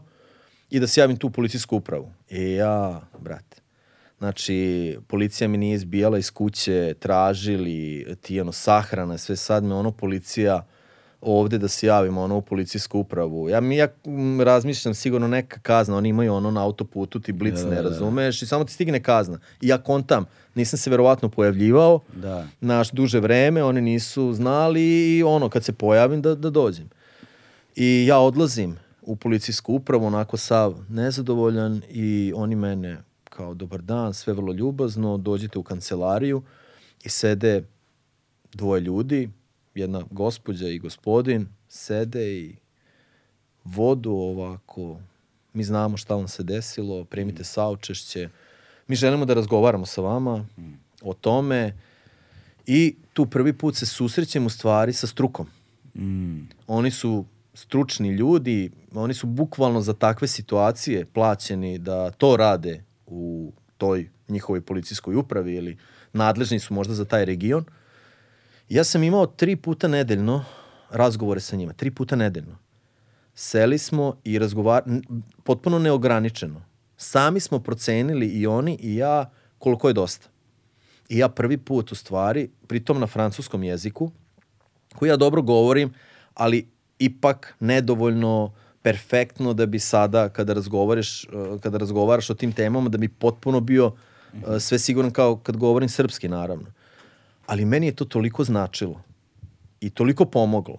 I me, ja sam dolazio, ja sam došao na suđenje sa, sretneš se sa čovekom koji ti je na tako monstruozan način ubio dete, potpuno spreman, potpuno, to su mi oni u stvari omogućili. Mm. Pripremili su me, razgovarajući sa njima, totalno jedan drugi pogled na svet. I tu sam ja u stvari shvatio koliko bi meni značilo da sam imao te ljude kada je Tijana nestala. Mi smo 13 dana, nama niko nije dolazio u kuću. 13 dana niko ti ne pita kako si, kako, hajde sad, evo tu smo, da razgovaraju sa nama. Mi smo žudili da neko dođe samo da nam kaže nešto. Uh, mislim, imali smo prijatelji, imali smo ljude, ali nije to to. Nama je trebao neko iz sistema, neko da dođe, da razgovara, neko stručan, da nam to se nije dešavalo. I onda meni se upali lampica. Prvo, kako je nestala, pa se desilo to sa Ivanom, pa onda ova stručna pomoć od ljudi koji su kvalifikovani da ti pomognu u takvim situacijama i tako se u stvari rodila ideja da tako nešto postoji u Srbiji. Mm. I u stvari to je bila ta neka, neka moja početna faza uh, i rada u stvari na osnivanju organizacije da bi u stvari u takvim situacijama uh, mi pomagali. I to je neki prvi susret moj sa, mogu slobodno da kažem, sa, ajde, izlečenjem traume. Da, taj, da, da. taj razgovor sa njima i to je u stvari tako krenulo. Da, sa prvim korakom. Sa prvim korakom. korakom dakle, ka, dakle, ka, ka izlečenju, da. Ah, to je... Uh, Znaš, teško mi je da, da vodim ovaj razgovor, zato što pokušavam, znaš, da slušam te sve vreme, ali uh, teško je ne projektovati se u, u situaciju, znaš, posebno ako si roditelj, znaš, kao to, i onda, ne, naravno. znaš, da to je, i ali hoću da kažem, kada, znaš, ali taj put je dug. Koliko si, recimo, koliko dugo si ti sa njima razgovarao sa tim? Pa, ja sa sam tim- sa njima- To su, to su neki psiholozi, pretpostavljam, unutar policije. Unutar policije, dakle ja sam razgovarao, to je trajalo nekih, pa bukvalno dok se nisam vratio u Srbiju. Dakle ja sam, Koliko si dugo? Uh, pa ja sam nekih ostao još u Belgiji nekih 7-8 meseci, Mhm. možda i nešto malo duže, ne mogu da se setim, ali otprilike ja sam sa njima konstantno razgovarao. To se smanjilo u nekom momentu, dakle nije više bilo tri puta nedeljno, nego se smanjilo na jednom nedeljno, ali jednom nedeljno je bilo ono vrlo, vrlo uvek smo imali taj neki termin. Uh, I jednostavno, uh, znaš, uh, postalo mi, bio sam sam tamo, znaš, i bez obzira, sad, sad ću vrlo onako otvoreno pričam o toj traumi, bez obzira što uh, nisam neko, i Mirjana konkretno, Mirjana je kao majka, ona je svaki dan išla na groblje, ali nije išla na groblje, znaš, ono, uh, da je to bilo tipa ono, ne znam, ružno mi je reći to, to bolesno sada da ideš, znaš, ne, nam, bilo je potrebno, znaš, da ode sat vremena, tu nešto malo poradi, smeje se, isplače se ako treba i smeje se, čak setiš se nekih stvari, ono, lepih e, događaja u životu, ideš kući i ti si nekako sebe napunio dobrom energijom, Da, da, znači mi da. smo za to koristili. I meni je to u stvari nedostajalo, znaš. Nedostajalo mi je da ono odeš do Tijane, odeš, sedneš uh, tu i ono zapališ sveću i to. To nije nešto što što je ono, to ono bukvalno to ti je spomenik, znaš, ali potrebno ti je. I i onda sam shvatio da da mi je besmisleno da ostanem tamo, već sam imao ideju, znaš, da nešto pokrenem, smatrao sam da je važno da da uradiš nešto i smatrao sam da bi bilo krajnje i licemerno i sebično da takvu jednu e, takvu jednu tijeninu tragediju ne iskoristiš, e, zaista ne iskoristiš, koliko god sa to možda ružno delovala ta reč, ali da ne iskoristiš na jedan pravi način. Da. I, I onda sam odlučio da se vratim, vratio sam se u Srbiju i e, imali smo veliki problem, ti si pomenuo i to, to e, lečenje za bolesnu decu i onda imali smo i bilo je nekih e, pronevera, sećam se da smo kući razgovarali, ja sam želeo da osnujem organizaciju, međutim strah je najveći bio jao te fondacije, to je sve na, na nekom lošem glasu i ovaj odmah će neko pomisliti da sada želiš nešto da zloupotrebiš i da, da e, međutim ja sam shvatao da ono kao pojedinac ti ne možeš da, da nešto menjaš i nešto uradiš, da je potrebno da, da, da o- osnuješ organizaciju i nisam se libio i tako je krenulo. E sada, kada pričamo o, o traumi, danas veliki, sa velikim brojem ljudi razgovaram koji su doživeli gubitak, gubitak dece. I oni mene često pitaju, e, gledaju te na televiziji, pa gledaju kako ti otvoreno govoriš o onome što se desilo, e, kako govoriš, kako se nosiš sa tim, kako ono, e, i, i njima je to, često mi, ja imam zaista, uvek me, uvek me, i često i čitam to kao na mrežama, ko si ti, nisi dovoljno stručan, ja sam potpuno svestan, ja, ja sam u svoju organizaciju doveo ljude i srećan sam što sam uspeo da ih dovedem. Oni su svi n- mnogo stručniji od mene. Dakle, oni su završili škole, oni rade fenomenalan posao, oni su ljudi koji u stvari mene danas uče. Ja nisam doveo nikog u tu organizaciju ko je gluplji od mene, Da. sam doveo sve mnogo pametnije i oni mi nose sada celu priču. Ja sam neko ko je istaknut, ali oni su ti u stvari koji nose organizaciju. I e, ja samo hoću da kažem da, da ja sam isto, kad se, kad se to desilo, e, sećam se u Belgiji, ja sam ovako kako je sad ova tvoja prostorija, ja sam po celoj sobi, ono sve tijenine valjda slike što sam pronašao, ja sam e, napravio ono tipa mauzolej. Znaš. I sećam se kad su došle Mirjana i Saška posle, ne znam, dva, tri meseca, oni su došli u Belgiju kad su videli, uh, ono, videli su da sam ja ono totalno, znaš, totalno u problemu. Da. A, i, a već sam radio, imao sam psihološku podršku, međutim, onda, onda sam ono imao razgovor sa Mirjanom i ona je rekla neku, neku vrlo bitnu stvar. e, u stvari, ona je bila presudna i bio je nakon smrti jedan sveštenik. E, to su dva, dve ključne osobe koje su mi pomogli da ja tu traumu i tu krizu prebrodim na jedan pravi način. Zato su u takvim situacijama, e, tim kriznim situacijama kad je ono kad se buk, bukvalno sretneš sa, sa tako teškim teško, te, teškim izazovom kakva je e, trauma, u stvari jako bitno da imaš neke kvalitetne ljude koji će te dobro posavetovati, koji će sa tobom razgovarati, bar ja to sad gledam iz moje pozicije. E, Prvo što je sveštenik mi je rekao jednu stvar, mi smo razgovarali mnogo o tome, ja sam bio pun besa, pun mržnje, a on je meni tada rekao, razmišljaj o tome da oprostiš čoveku koji je Mm. ubio Tijanu. Što je meni bilo u tom momentu ono potpuno, potpuno strašno uopšte. Ali danas, pomisao. apsolutno kao pomisao. I bio sam jako, jako besan nakon tog razgovora, ali bio sam besan jedno tri dana, četiri, i onda sam krenuo da razmišljam potpuno, i to mi je mnogo pomoglo u organizaciji, to ću ti reći zašto. I Mirjana koja je, koja je rekla, ajde sad, skidaj ovo, neću ja da, da uništimo i drugo dete, uh, neću da vidim ni jednu sliku njenu i stvarno to mi je bilo u prvom momentu ono strašno, ali ni jednu sliku nisam imao Tijaninu. Pa sigurno, sigurno nekih godinu dana. Mm. Ovaj kod sebe. Nijednu. Nijednu Tijaninu sliku nisam imao. I uh, ja sam onda zaista znaš kako ti sada ti sada uh, teško ti je i potpuno je normalno da je teško, ali ja ti kažem da, da postoje mnogo strašnije stvari i od onoga što se meni desilo. I tako sam ja razmišljao. E, znaš, najlakše je nekako samo sa, sažaljevati sebe Da. i reći, znaš, vidi šta mi se desilo, strašno. Da li sam ja baš taj koji je morao toliko da pati? Da li sam ja baš taj koji je morao da ima takav gubitak? Ali onda, znaš, ko je u stvari meni garantovao kad sam se rodio da ću ja imati baš nešto prelep život? Niko.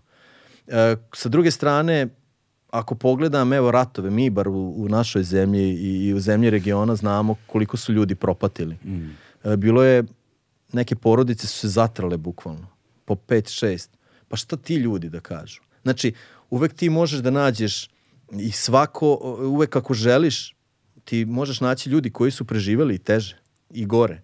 I ja danas to govorim. E, Ja, ja jednostavno danas e, jako e, ne želim da me iko sažaljeva, ne želim da, da iko na mene gleda kao žrtvu, jer ja to nisam. I danas zaista razmišljam na način samo da je, jako sam srećan zato što sam bio tijenin otac. Dakle, ja nisam nesrećan što sam ja nju izgubio. Ja sam srećan što sam ja nju imao. Jer to je takva privilegija. Imati nju za dete. To je zaista svako ko je poznavao e, može samo da kaže sve najlepše o njoj, a da kaže pritom da sam ja njen otac. I to je u stvari način kako danas živim, kako govorim i razgovaram sa ljudima i uopšte to moje iskustvo, u stvari, to životno e, ljudi žele da podele koji su doživjeli slične tragedije i zato da se vratim samo na to kako neki ljudi, nisam ja stručan, ja sam toga svestan, dakle ja vrlo znam koji su moji kapaciteti, ali isto tako znam da imam to jedno životno iskustvo koje znači drugim ljudima koji su e, preživeli isto ili slično i onda njihov, e, u stvari moj razgovor sa njima mnogo znači. Da. I taj razgovor danas, taj razgovor u stvari mene danas leči. Sve to što radim, znaš, ne mogu ja da razmišljam o moje sudbini ako, ako preko mene sedi devojčica koja je seksualno zlostavljana. Kako ja da razmišljam e, kakav bi ja bio čovek. Znaš, sad ja žalim sebe jer mi je stradala moja Tijana. A preko mene, preko puta mene sedi devojčica koju zlostavlja, seksualno zlostavlja otac. Pa ko je, mislim, ko je žrtva? Ja u svakom slučaju nisam u odnosu na nju. Ta razmena te energije u stvari meni mnogo znači. Ja, ja stvarno to jeste. Mislim da je taj volonterski, humanitarni rad, kakav god bio, uh, vrlo bitan za izlečenje i vrlo važan da nastaviš jedan normalan život. Ne mora to da bude da osnuješ organizaciju, ali da volontiraš recimo. Da, da. Fenomenalna stvar. Da, o, zanima me uh, ma, ovaj, ovaj, o- ovog sveštenika kog si pomenuo i to, temu, to, to pitanje opro, oprosta, znaš. Opraštanje je velika tema uh, kako naših društava, tako i naših uh, individualnih života. Ovaj, ko je tvoj pogled na, na, na, na oproštaj i na taj razgovor sa sveštenikom koji si imao tada danas? M, sve sam bliži, nisam još spreman. Nisam još spreman, ali ali znaš, mislim da mi je posle svega što se desilo e, moja najveća najveće moje bogatstvo, ajde, ne znam ni kako to da nazovem, najveća moja snaga, najveće to što ne mrzim. Jer mislim da ne bi imao energiju, znam ljude, znam ljude koji mrze. znam ljude kojima se desilo slično i koji vape za osvetom. Oni ne mogu da se usredsrede ni na šta drugo. Njihov je život usmeren samo na osvetu. I smr želja da, da naudiš i tom nekom, čak i njihovim, njegovim i njihovim, njenim porodicama, nebitno. Ljudi su željni te osvete. A ja sam presrećan što, što nikada nisam, mislim da sam samo u prvom momentu kad su mi javili da je Tijana ubijena i kad sam saznao ime da sam onda tipa ono, u to, tom naletu besa uh, na taj način reagovao da ću ja sada uraditi ovo ili ono. Ali nikada zaista nisam ništa loše pomislio ni porodici tog čoveka, mm. niti, niti, niti njemu. Dakle, ja i dan danas, ljudi me često pitaju i ne razumeju. Ja i dan danas m, zaista ne želim da se tom čoveku isto, išta loše desi. Mm. Ono mene često pitaju kako on sada živi tamo u zatvoru, da li ga maltretiraju, s obzirom šta je uradio. Ama ja ne želim. Nemojte mi to ni pričati. Dakle, moja ideja je bila da on zaista ne naudi drugom detetu. I da on ako ikad uspe da isto kao ja razmišlja možda o tome da, da se pokaje zbog onoga što je uradio i ne znam kako on danas razmišlja, ali volao bi da bar se ono iskreno kaje zbog onoga što je uradio jer ovde je jedan život jedne devojčice koja je imala uh, život pred sobom. Ali ja ne želim da mu se desi, ja ne želim da ga iko maltretira, ja ne želim da, da mu iko naudi. I to je zaista onako e, veliko bogatstvo. Mislim, jako mogu da se usredsredim na neke mnogo uh, mnogo važne stvari. Ali vezano za, za taj oprost, mislim da od, onda da se razumemo. Dakle, sve to što je on radio, to ne može da se opravda i zbog toga je u zatvoru i treba da bude u zatvoru. Dakle, ne pričamo o tome. Mi moramo da napravimo razliku između praštanja i opravdanja. Jasno. Pravde, pravda mora da postoji i ne možemo da opravdamo to sada da neko dođe i ubije jedno dete od 15 godina. Tu opravdanja nema i zato se mora Zato sam se ja zalagao za doživotnu kaznu zatvora. Ne iz osvete, nego sam se zalagao za doživotnu kaznu zatvora zato što se ta stvar, kada ubiješ jedno nemoćno dete, kada mm. seksualno zlostavljaš i siluješ jedno dete, ne sme da se pravda, to ne može da se opravda. Ali ja mislim da bi bilo važno da možda ako skupim snage da, da sednem sa tim čovekom i da, da kažem evo, oprostio sam ti. Da.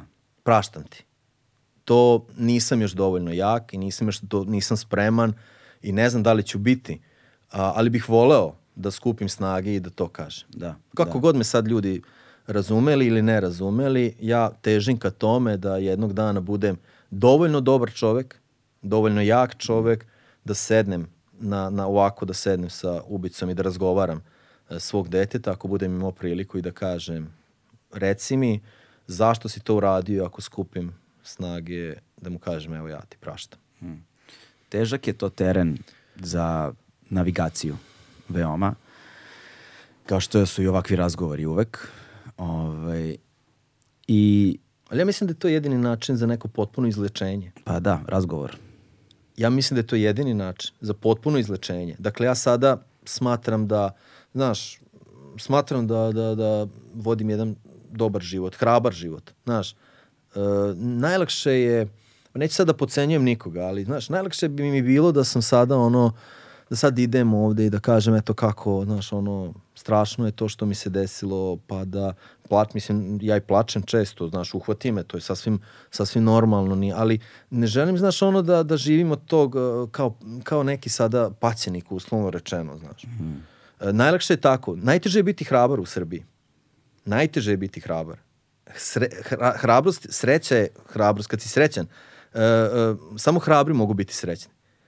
Jer ja ako sada kažem, znaš, ovaj, evo, radujem se, evo sada me neko ono vidi kako mi svira muzika ili nešto, ja znam da ću dobiti, mislim, ono na društvenim mrežama sam vrlo aktivan i ja, ono, uh, ja znam ono, da, da dobijem na stotine osuđujućih komentara. Kako možeš? Kako možeš, dete ti je stradalo, uh, a ti se sada kao veseliš. Ma ja želim da bude, ja želim da pokažem da, da, da živim, da uživam u životu. Mm. Hoću bre da, da, da uživam u životu. Moja tuga, moj bol je uvek tu i zaovek tu. I nemo, ja neću da se pomerim sa tim da neko ko je u crnini i neko da više pati, što ja ne osuđujem, ponavljam još jednom, nego samo da kažem, ne, to apsolutno ne znači da taj neko više pati od mene.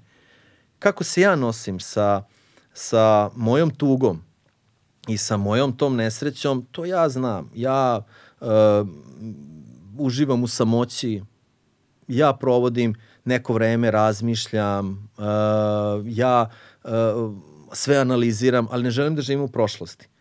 Vratim se iz čiste dobre namere da nešto poboljšam u budućnosti. Dakle, vraćam se da vidim šta je bilo pogrešno, pa i u mom mm. životu, ne samo onome što se Tijani desilo. Ja gledam koje sam ja greške pravio da bi danas bio bolji čovek.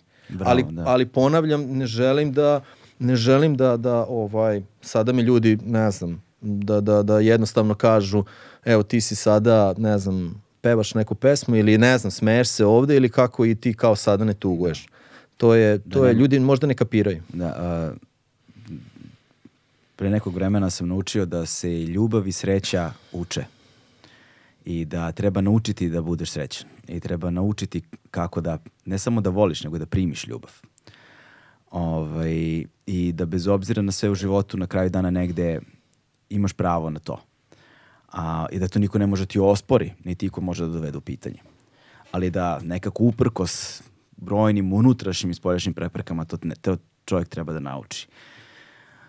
A, takođe je zanimljivo i to i verovatno je tebi tu dosta pomoglo, sad to je samo pretpostavljam, ono, razgovaramo pa saznaću, ovaj, da si i transformisao negde su tu energiju, jer kakvo god, da li je negdje pozitivno, negativno, ovako, onako, to je neka ogromna energija, naboj jedan veliki koji imaš, koji si ti zapravo pretvorio u nešto konstruktivno. Kanalisao si ga u jednu ideju, u, u jednu misiju, u jedan cilj u kojem se sada na, na, i krenuo si na put na kojem se sada nalaziš i da je zapravo verovatno i jedan ogroman proces tog izlečenja, puta ka izlečenju, to jeste nalazi u, u, u, u ovome što sada radiš. U pomoći drugima, u borbi za Amber Alert, u, u uspostavljanju nekakvog sistema i ranog upozoravanja i prevencije možda, ali i podrške. Jer čini mi se da se o toj podršci zapravo ne govori dovoljno takođe. Ovaj, I da da možda su bila prvih nekoliko 7-8 meseci u Belgiji, jel te? Pa onda uspostavljanje sistema ovde i pravljanje tih prvih koraka u formiranju organizacije i usuđivanja na neki način da istupiš u to, u to svetlo javnosti i da bez obzira na to šta će sada da, da, da, šta će sada, na šta će sada naletiš, da ipak ovaj, želja za time bude jača od onoga što je potencijalno problem. A, ali me takođe isto zanima, pomenuo si malo pre a, tu doživotnu robiju. Ovaj, to je verovatno jedna od ono, ključnih tačaka da se nas dvojica ne slažemo. Ali ne znam kakva je tvoja pozicija u vezi sa time danas. Um, jer što više u životu učimo traumi, čitamo traumi i pokušam da saznam jer svi mi negde smo prošli kroz neke traume, jel te? Shvatam da i da, da, da su i da, da je trauma nešto što nije zaobišlo nikoga i da trauma velikoj meri formira ljude u životu. I da, nažalost, neki ljudi prolaze kroz takve stvari da ih u najranijem detinstvu formiraju na različite načine i da to vrlo često nisu nimalo svetle priče.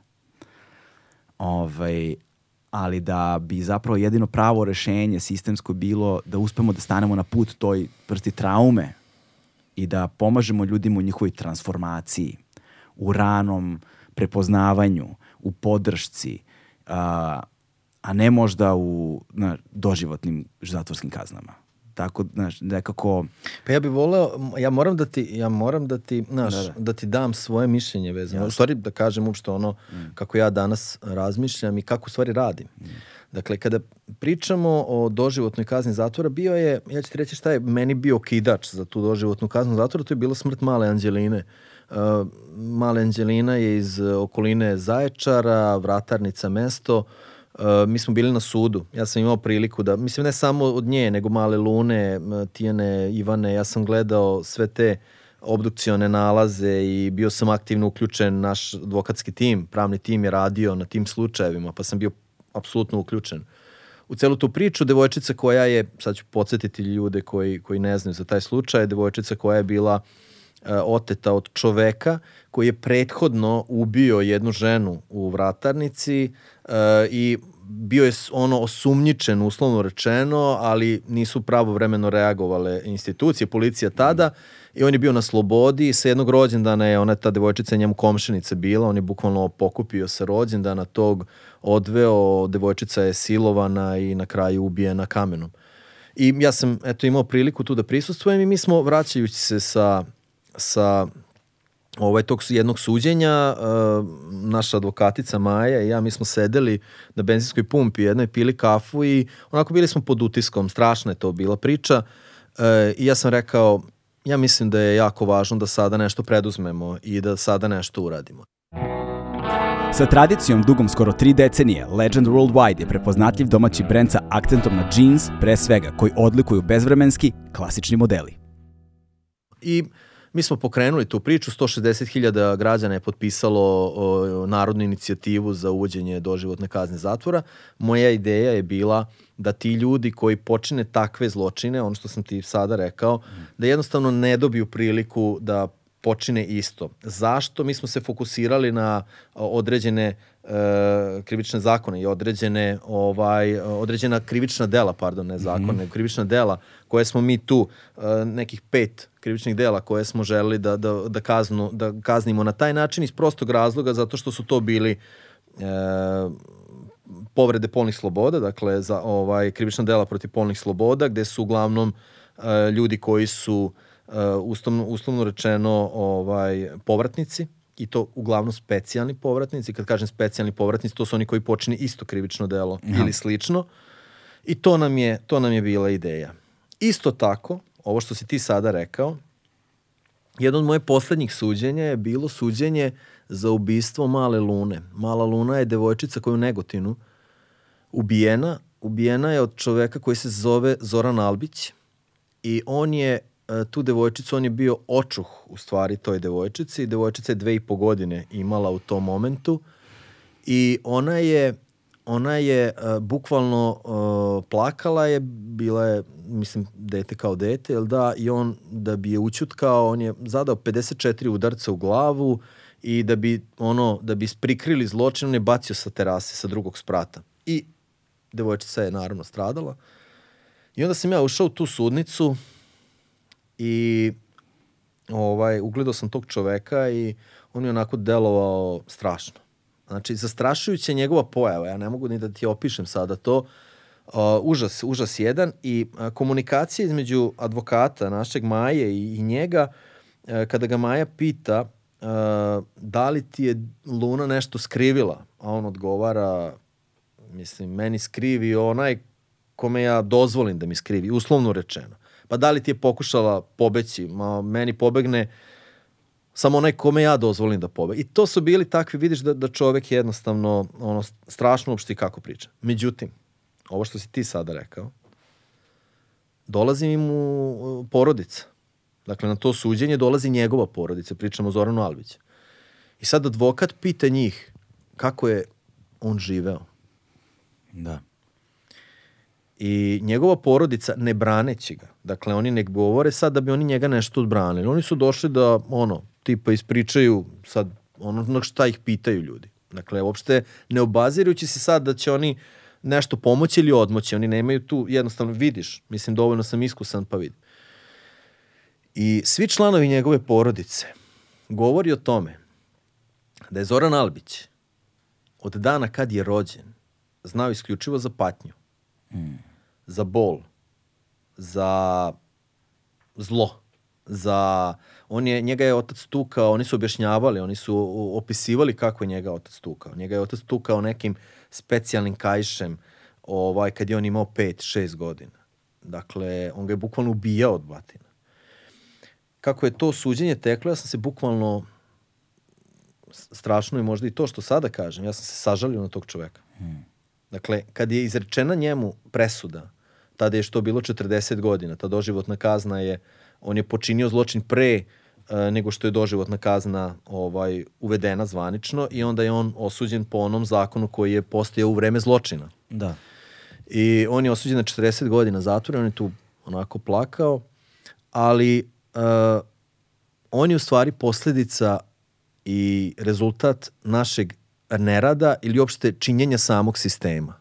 Da. Dakle, neko nije pomogao tom detetu da ne bude zlostavljan. Neko nije neko nije uh, želeo da, da uh, možda pozove policiju kada čuje da je to dete zlostavljeno. Neki socijalni radnici ili uopšte sama, sam centar za socijalni rad nije možda odreagovao, oduzeo uh, tom čoveku to dete. I došli smo do toga da smo napravili Zorana Albića ubicu, ubicu male lune i jednog ozbiljnog, uh, ne znam, ne znam kako da to nazovem, ali ubicu na kraju krajeva. I ja shvatam ono o čemu ti pričaš da. i sve to tvoje ima smisla. Ali ono što sam ti rekao da oprost treba da postoji, ali ne smemo da opravdamo. I moje zalaganje za doživotnu kaznu smatram da je opravdano iz prostog razloga što ne smemo da dozvolimo da se takvi zločini ponove. ponove. Međutim, ono što mi danas kao organizacija radimo i ono čime ćem se ja baviti najviše u narednom periodu i upravo to da se uh, da ne budemo licemerni, nego da se posvetimo i toj deci koja su žrtve u svojim porodicama, a koji kasnije zbog upravo te žrtve postaju Zorani Albić i Dragani Đurić i Darko Kostić ili kako god se drugi nazivali, te, to, to su ljudi koji su ubijali decu. I uh, upravo će nam to biti cilj da nije samo uh, represija ono što kažu da smo se time bavili želeći da, mm. da kaznimo te ljude na adekvatan način. Smatram to da jednostavno preventiva mora biti mora biti ključna i da u stvari mi moramo da dođemo do nivoa da se takve stvari uopšte ne dešavaju. Ali smatram da kazna mora da postoji kao, kao reakcija jednog društva i uopšte kako mi kao društvo gledamo na zločin. I to je nešto što i dalje tvrdim da je jako dobro i bez obzira naravno i po, na, po, po, apsolutno poštujem da, da imaš drugačije mišljenje, to je mm. potpuno, bilo bi glupo da, da imamo svi isto mišljenje, ali smatram da je gledajući iz, iz ugla žrtve, a ne gledajući iz o, ugle osvetnika, da je važno da postoji e, ta kazna i da je važno da možda i to uh, bude jedna od preventivnih mera, ne samo represivnih, nego i preventivnih. Da, do sada onda bih volila zapravo da se fokusiramo i na to, uh, dakle, rekao si da planiraš da planirate, pardon, dakle pokretanje, ako sam razumeo dobro, organizacije odvojene ili projekta ne, ne, ne. unutar same projekta, pro, projekta unutar same organizacije koji bi se bavio onda decom. Pa decom, decom sa problem, problemom u ponašanju. Mm -hmm. Dakle, dakle, zašto? Zato što smo prvo videli da to jako dobro funkcioniše u drugim zemljama i posećivali smo te druge zemlje i videli da je to fenomenalna stvar. I da jedino na taj način ovo, ovaj stepen vršničkog nasilja koje je sada kod nas, ono, ekspanzija, uh, da jedino na taj način možemo da se, da se na neki način ta statistika poboljša. Znaš, e, mi smo, stalno tu ponavljam tu reč licemerni, ali mi stvarno jesmo ovaj licemerni. Znaš, ono, trujemo e, ovaj prostor e, nasiljem, Uh, nemaš gde, evo pogledaš, evo juče skupština nasilje, gledaš medije, propagira se nasilje, uh, znaš, uh, i onda se desi nasilje u školi, kao što je bilo, ja sad pominjem slučaj u Trsteniku, juče su ga spomenuli, kao vraćen je e, taj klinac je vraćen u školu, onaj koji je izmakao um, stolicu nastavnici. Aha. Ne znam da li se sećaš. Ne, to je bilo sad, pre nekih 2, 3, 4 meseca. Izmakao je dečak stolicu nastavnici, što naravno, to je ono čemu pričamo. To nije za pravdanje, to ne može da se opravda. Ali niko se ne upita kako taj dečak živi. Niko se ne upita i e, ne zapita i niko nije e, pomogao tom dečaku kad mu je majka preminula. Majka mu preminula pre dve i po godine. E, njegov otac e, hrani njih sedmoro ili osmoro u toj porodici. I odjednom mi smo ga možda zatrovali ovim sadržajem koje, koje mi odrasli delimo i onda je on izmakao stolicu i odjednom linč. Da. Odjednom izbacite ga iz škole. Sad donele, doneta je odluka zbog nekih kako su naveli, administrativnih grešaka u radu, on je vraćen. I juče, juče na društvenim mrežama, uh, to je bila poplava emocija, kakav je, kako smo mogli da ga vratimo sada, pa šta ćemo sa njim? Hoćete da ga ubijete? Izmakao je, klinac Stolicu. izmakao stolicu. Ili treba sada da ga linčujemo? Čovjek, dečak od 13-14 godina. Znaš, a da ga je neko zagrlio, da ga je upitao, ajde, daj da vidimo šta da uradimo za tebe, u čemu je problem. Pa on možda vrišti. On Da. na taj način iskazuje, meni treba pomoć. Poziv u pomoć, da. To je njegov poziv u pomoć. I sa druge strane, najveći broj te dece u stvari su žrtve u svojim porodicama. Bilo čega, da li nasilja, da li zanemarivanja, da li nebitno, ali su žrtve.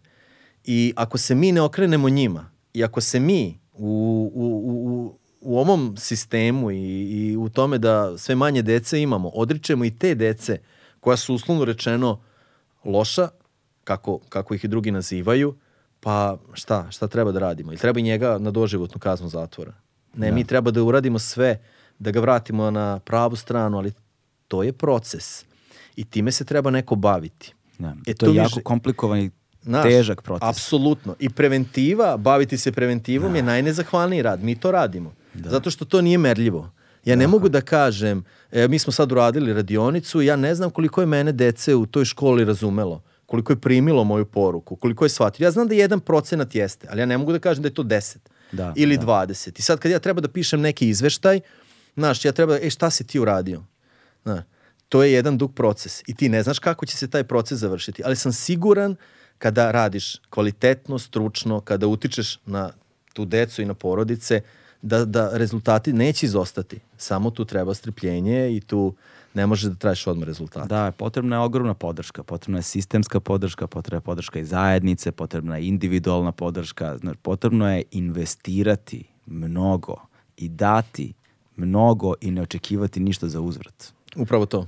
To je, znaš, i, a ovo sve, svi ovi mehanizmi drugi koji mi se govorio, reak, reakcionistički ti, su zapravo samo jedan jednostavniji put. Na, je, Da, da. pre, prečica ka nečemu što zapravo nije rešenje. Jer onda još dublje guraš osobe koji su već na margini, dublje ih guraš u marginu gde se radikalno smanjuje njihov onako sužen, mogu, sužena mogućnost izbora za put u životu. Ja sam bio, ja sam bio u Hrvatskoj razgovarao sam upravo sa danas odraslim ljudima, a, a, a sa dojučerašnjim klincima koji su bili polaznici, koji su bili uslovno rečeno na toj klackalici, da li će preći u kriminal ili će se, ajde da kažem, e, okrenuti, transformisati u neki ono normalan život i, i porodičan, jel tako, i gde će biti na ovoj pozitivnoj strani našoj. I, I oni kažu da su upravo u takvim domovima, u takvim centrima, gde su ih ljudi razumeli, gde kad su došli nisu bili odmah krivci, nisu ih odmah osuđivali, da ih je po prvi put neko zagrlio. I rekao, evo ja sam ti tu, ja te razumem, kako mogu da ti pomognem. Gde se to vreme provodilo u, u, u mogu da kažem, razmeni ljubavi. Dakle, potrebno je nekome da pokažeš ovaj, nešto i neku dobru volju da, da bi taj možda neko razumeo da ti to zaista želiš. Kod mene u selu, ja, ja sam rođen u Mišićevu, to je jedno selo u, tamo najmanje selo u opštini Subotici. I onda tu ima, mislim imamo tri ulice, da, Da. ti kažem. I tu ima i mali broj mladih ljudi, razumeš, ali znaš, stalno je tu, evo kako imamo te e, klince, ne znam, razbili su, mislim odmah da kažem ne pravdam, odmah da se razumemo, ali ono tipa razbili su sada, ne znam, ovde, pa su uništili ovo, a ja se pitam samo, ok, a šta ste im pružili? Jeste organizovali neko kulturno veče? Jeste organizovali neki turnir u sportu? Jeste, uh, jeste možda pružili neku edukaciju vezano za neku njihovu budućnost? Jeste im možda... Nismo. Pa, da li je valjda to poenta? Pa daj da uradimo nešto. Pa daj da razgovaramo sa njima. Pa daj ako im pružimo bar nešto, pa da onda možemo samo da kritikujemo. A ne, nismo im pružili ništa, uh, kao društvo, kao sistem nismo uradili ništa i sad kao oni su nam krivi što su razbili prozor. Jesu krivi, ali ajde da pogledamo gde smo mi tu. Da. Gde je tu naša krivica i gde je tu naša odgovornost. I to je ono što stalno pričam. Znaš, ako ti čuješ u svom komšiluku da ti stvarno čuješ da neko maltretira dete, a ti samo zatvoriš prozor da ne čuješ, da ne bi ono to, jer to nije tvoj problem, znaš, onda sutra to dete će možda baš uh, uh, imati na meti upravo tvoju decu. Da. Jer ti nisi uradio ništa. Ali to ljudi ne kapiraju dok im se ne desi. I ja nisam o tome razmišljao. Ja nisam razmišljao o tome ko je taj Dragan Đurić. Ko je čovjek? Ko u stvari znaš, ono živiš jedan normalan život, niti si bogat, niti si romašan, prosečan život, kao 90% ljudi u Srbiji, mučiš se da platiš račune. Ali ne razmišljaš o tome da ti neko može ubiti i oteti, recimo, dete. Jer to je ono samo za filmove ostavljeno. Da. I onda se desi, i onda razmišljaš ko je taj Dragan Đurić i da li sam ja trebao drugačije da razmišljam. Pa se onda setiš i Milice, devojčica Milice Barašin, koja je ubijena u Subotici. Znaš, to je sve nas pogodilo. Sve je to dotaklo e, sve nas, zato što je ubijena preklana jedna devojčica od 16 godina. Ali znaš kako je to bilo? Mi smo svi bili ono, strašno. Ali to došlo i prošlo. I niko nije pitao, bar se ja nisam zapitao, dok se naravno nama nije desilo, kako živi ta majka. Jel neko razgovara sa njom, jel dolazi neki psiholog da je pita kako si? Jel dolazi neko iz policije da kaže, evo, mi još uvek tražimo? Ili ne? E, danas znam kako ta majka živi, znam da je niko ne dolazi, znam da niko više ne pita, znam da je ona isto kao i porodica Vitez, persona non grata, zato što u Senti, zato što je njima oteto dete. I sad zamisli te drskosti da oni dođu u policijsku stanicu i da pitaju jel ima nešto novo. Znači oni više su nepoželjni tu, alo, nemoj da nas ometaš. E, to shvatiš tek kad ti se desi. A ja danas uporno, moj rad, svodim na to da ljudima kažem, alo, svima to može da se desi. Da. I da, da. uradite sve što možete da predupredite to. Mm. I ako već imate u svom okruženju nekoga kome se desilo, onda imajte razumevanja. I možda i za neki loš gest, i možda za... Ne, ali imajte razumevanja, popričajte, razgovarajte, tim ljudima je to potrebno. A da. tako i ovoj deci koja su, nažalost, danas uh, ono, jedan, mogu slobodno da kažem, uh, jedna, jedna grupa ljudi koji, koji jednostavno su nepoželjni, znaš, zato što su oni oni vrše nasilje. Da, I to je, znači sad, tu si dotakao tu temu, a, kažeš, znaš, ja sam, kaže, živeo tada tako i razmišljao na drugačiji način i zapravo se stavljaš u poziciju prosečnog građanina, ne samo u Srbiji, bilo koje druge zemlje u suštini, van ovakvih slučajeva kao što si opisao sa devojkom iz Australije, sa ženom iz Australije, ali velika većina ljudi u svetu živi posebno pod pritiskom svakodnevnog života i to treba da platiš račune, treba ovo, imaš svoje muke na, i, i ne možeš nikada optužiti nekoga opet kažem, porediti muke uzajemne kao šta ti se žališ zbog ovoga, vidi kakav je meni ili kakav je onome život. Znaš, jer ono što je najgora stvar koja ti se desila je najgora stvar koja ti se desila. Znaš, i ti ćeš, te, tebi će to biti referentne vrednosti u životu. Prosto i nezahvalno je, jel te, porediti. Ali opet nekako otvoriti ljudima tu mogućnost da iskorače iz sobstvene zone komfora i da se negde okrenu preko ramena i pogledaju one koji su manje privilegovani od njih, a da, na, da oni sami od toga nemaju nikakve koristi, barem ne na prvu loptu, jer od toga možda ima koristi društvo u celini kroz veliki vremenski period, nešto što stalno ponavljamo ovde, da zasadiš drvo u čim hladu nećeš ti uživati. Znači, znaš, da, da, da razmišljamo na taj način, na, ne sa ovim zaoštrenim individualizmom u kojem se nalazimo trenutno, ovaj, i da onda onima koji imaju manje šanse pružimo kakvu takvu mogućnost za udaljavanje od onoga što je centar njihovog problema, žarište, a potom i vremenski prostorni otklon da bi mogli u jednom trenutku možda potencijalno nekada da sagledaju opcije za neku promenu, transformaciju, kajanje, za šta god. Ovaj, mali je broj ljudi koji taj put uspe da pronađe sam. Znaš, to je zaista, to je, to je ono, prećeš dobiti sedmicu na lotovu nego što ćeš pronaći taj put sam ovaj, treba potrebna sistemska podrška, što znači da vi se sada nalazite u jednoj vrlo specifičnoj poziciji. S jedne strane govorimo o preventivi, s jedne strane govorimo o ovaj, advokatskoj krivičnoj praksi, kako već da je nazovemo. S, druge s treće strane onda govorimo i o podršci porodicama koje su doživjele tragediju.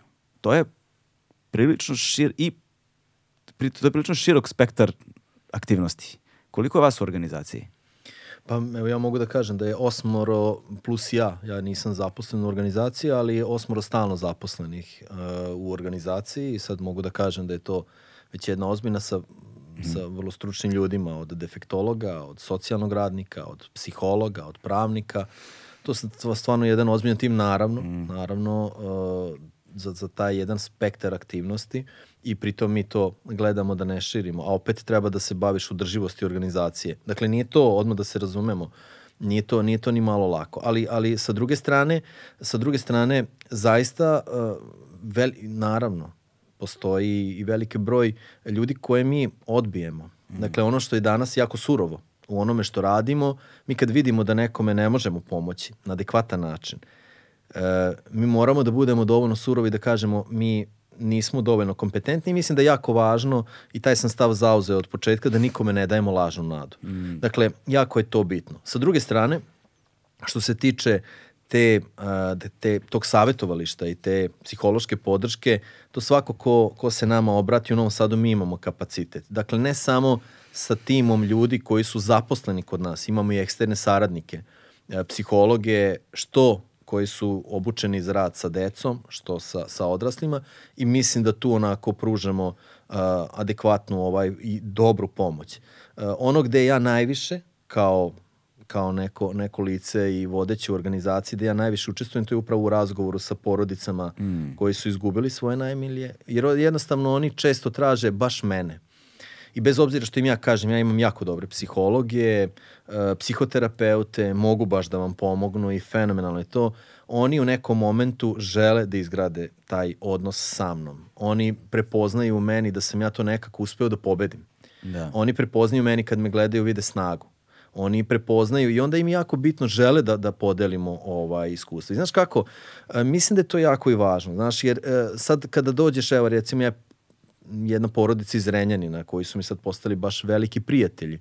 E, kad su oni došli, mene, mene je otac devojčice koja je preminula na način zdravo, pravo, ništa se nije desilo, otišla je sa drugaricama na kafu, jednostavno pala i preminula strašno. Mislim, u smislu imala je neku srčanu manu, nešto sad nemoj mi pitati, nisam Jasne. dovoljno stručan, ali je jednostavno na taj način je preminula. I čovek je dve i po godine, on nije mogao ono da dođe, apsolutno sebi, nije mogao da se oporavi. I on je mene gledao, gledao, gledao. I on je pokušavao da dođe do mene, pa on ne koristi nešto društvene mreže. Pa je uglavnom došao je on do mene i e, mi smo se upoznali i jednostavno, ja mogu da kažem, on je prodisao on je čovjek potpuno prodisao. Znaš, jer on, on je do, do tada uvek govorio kad ode, kod, on je pokušao da ide kod nekih stručnih ljudi, ali kod njega bi uvek bilo ono, da, ali ti mene ne razumeš. Da, da ali nisi ti. Jasno, da. Nisi ti izgubio ili izgubila da. dete kao što sam ja. I to mu je, bio, to mu je bilo nekako stalno opravdanje. Onda sam ja otišao kod njega kući i ja sam isto tako, znaš, ovaj, video sam i tako isto ono što sam ja pravio neke greške u početku, pa načini, pa ne ulazi on u sobu od uh, svoje čerke, jer to sada mora da bude hermetički zato, ništa se ne sme dirati.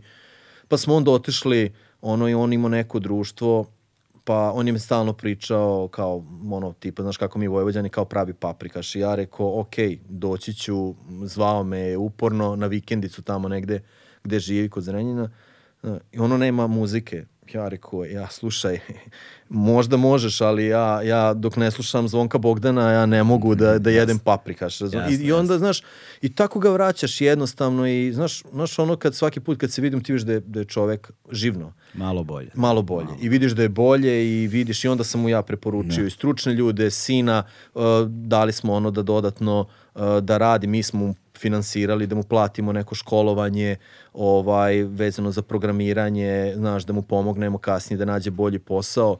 Jednostavno to tako ide. Znaš, i mislim da tu mogu dobro da pomognem. I sa tom nekom mojom energijom, koja je takva kakva je pozitivnom, i sa uopšte načinom života i mislim da tu dajemo onako baš jedan dobar doprinos ljudima da jednostavno kažem nije sve gotovo i nije sve izgubljeno. Jer ovo sve što radimo mislim da će Tijana biti jednog dana ponosna.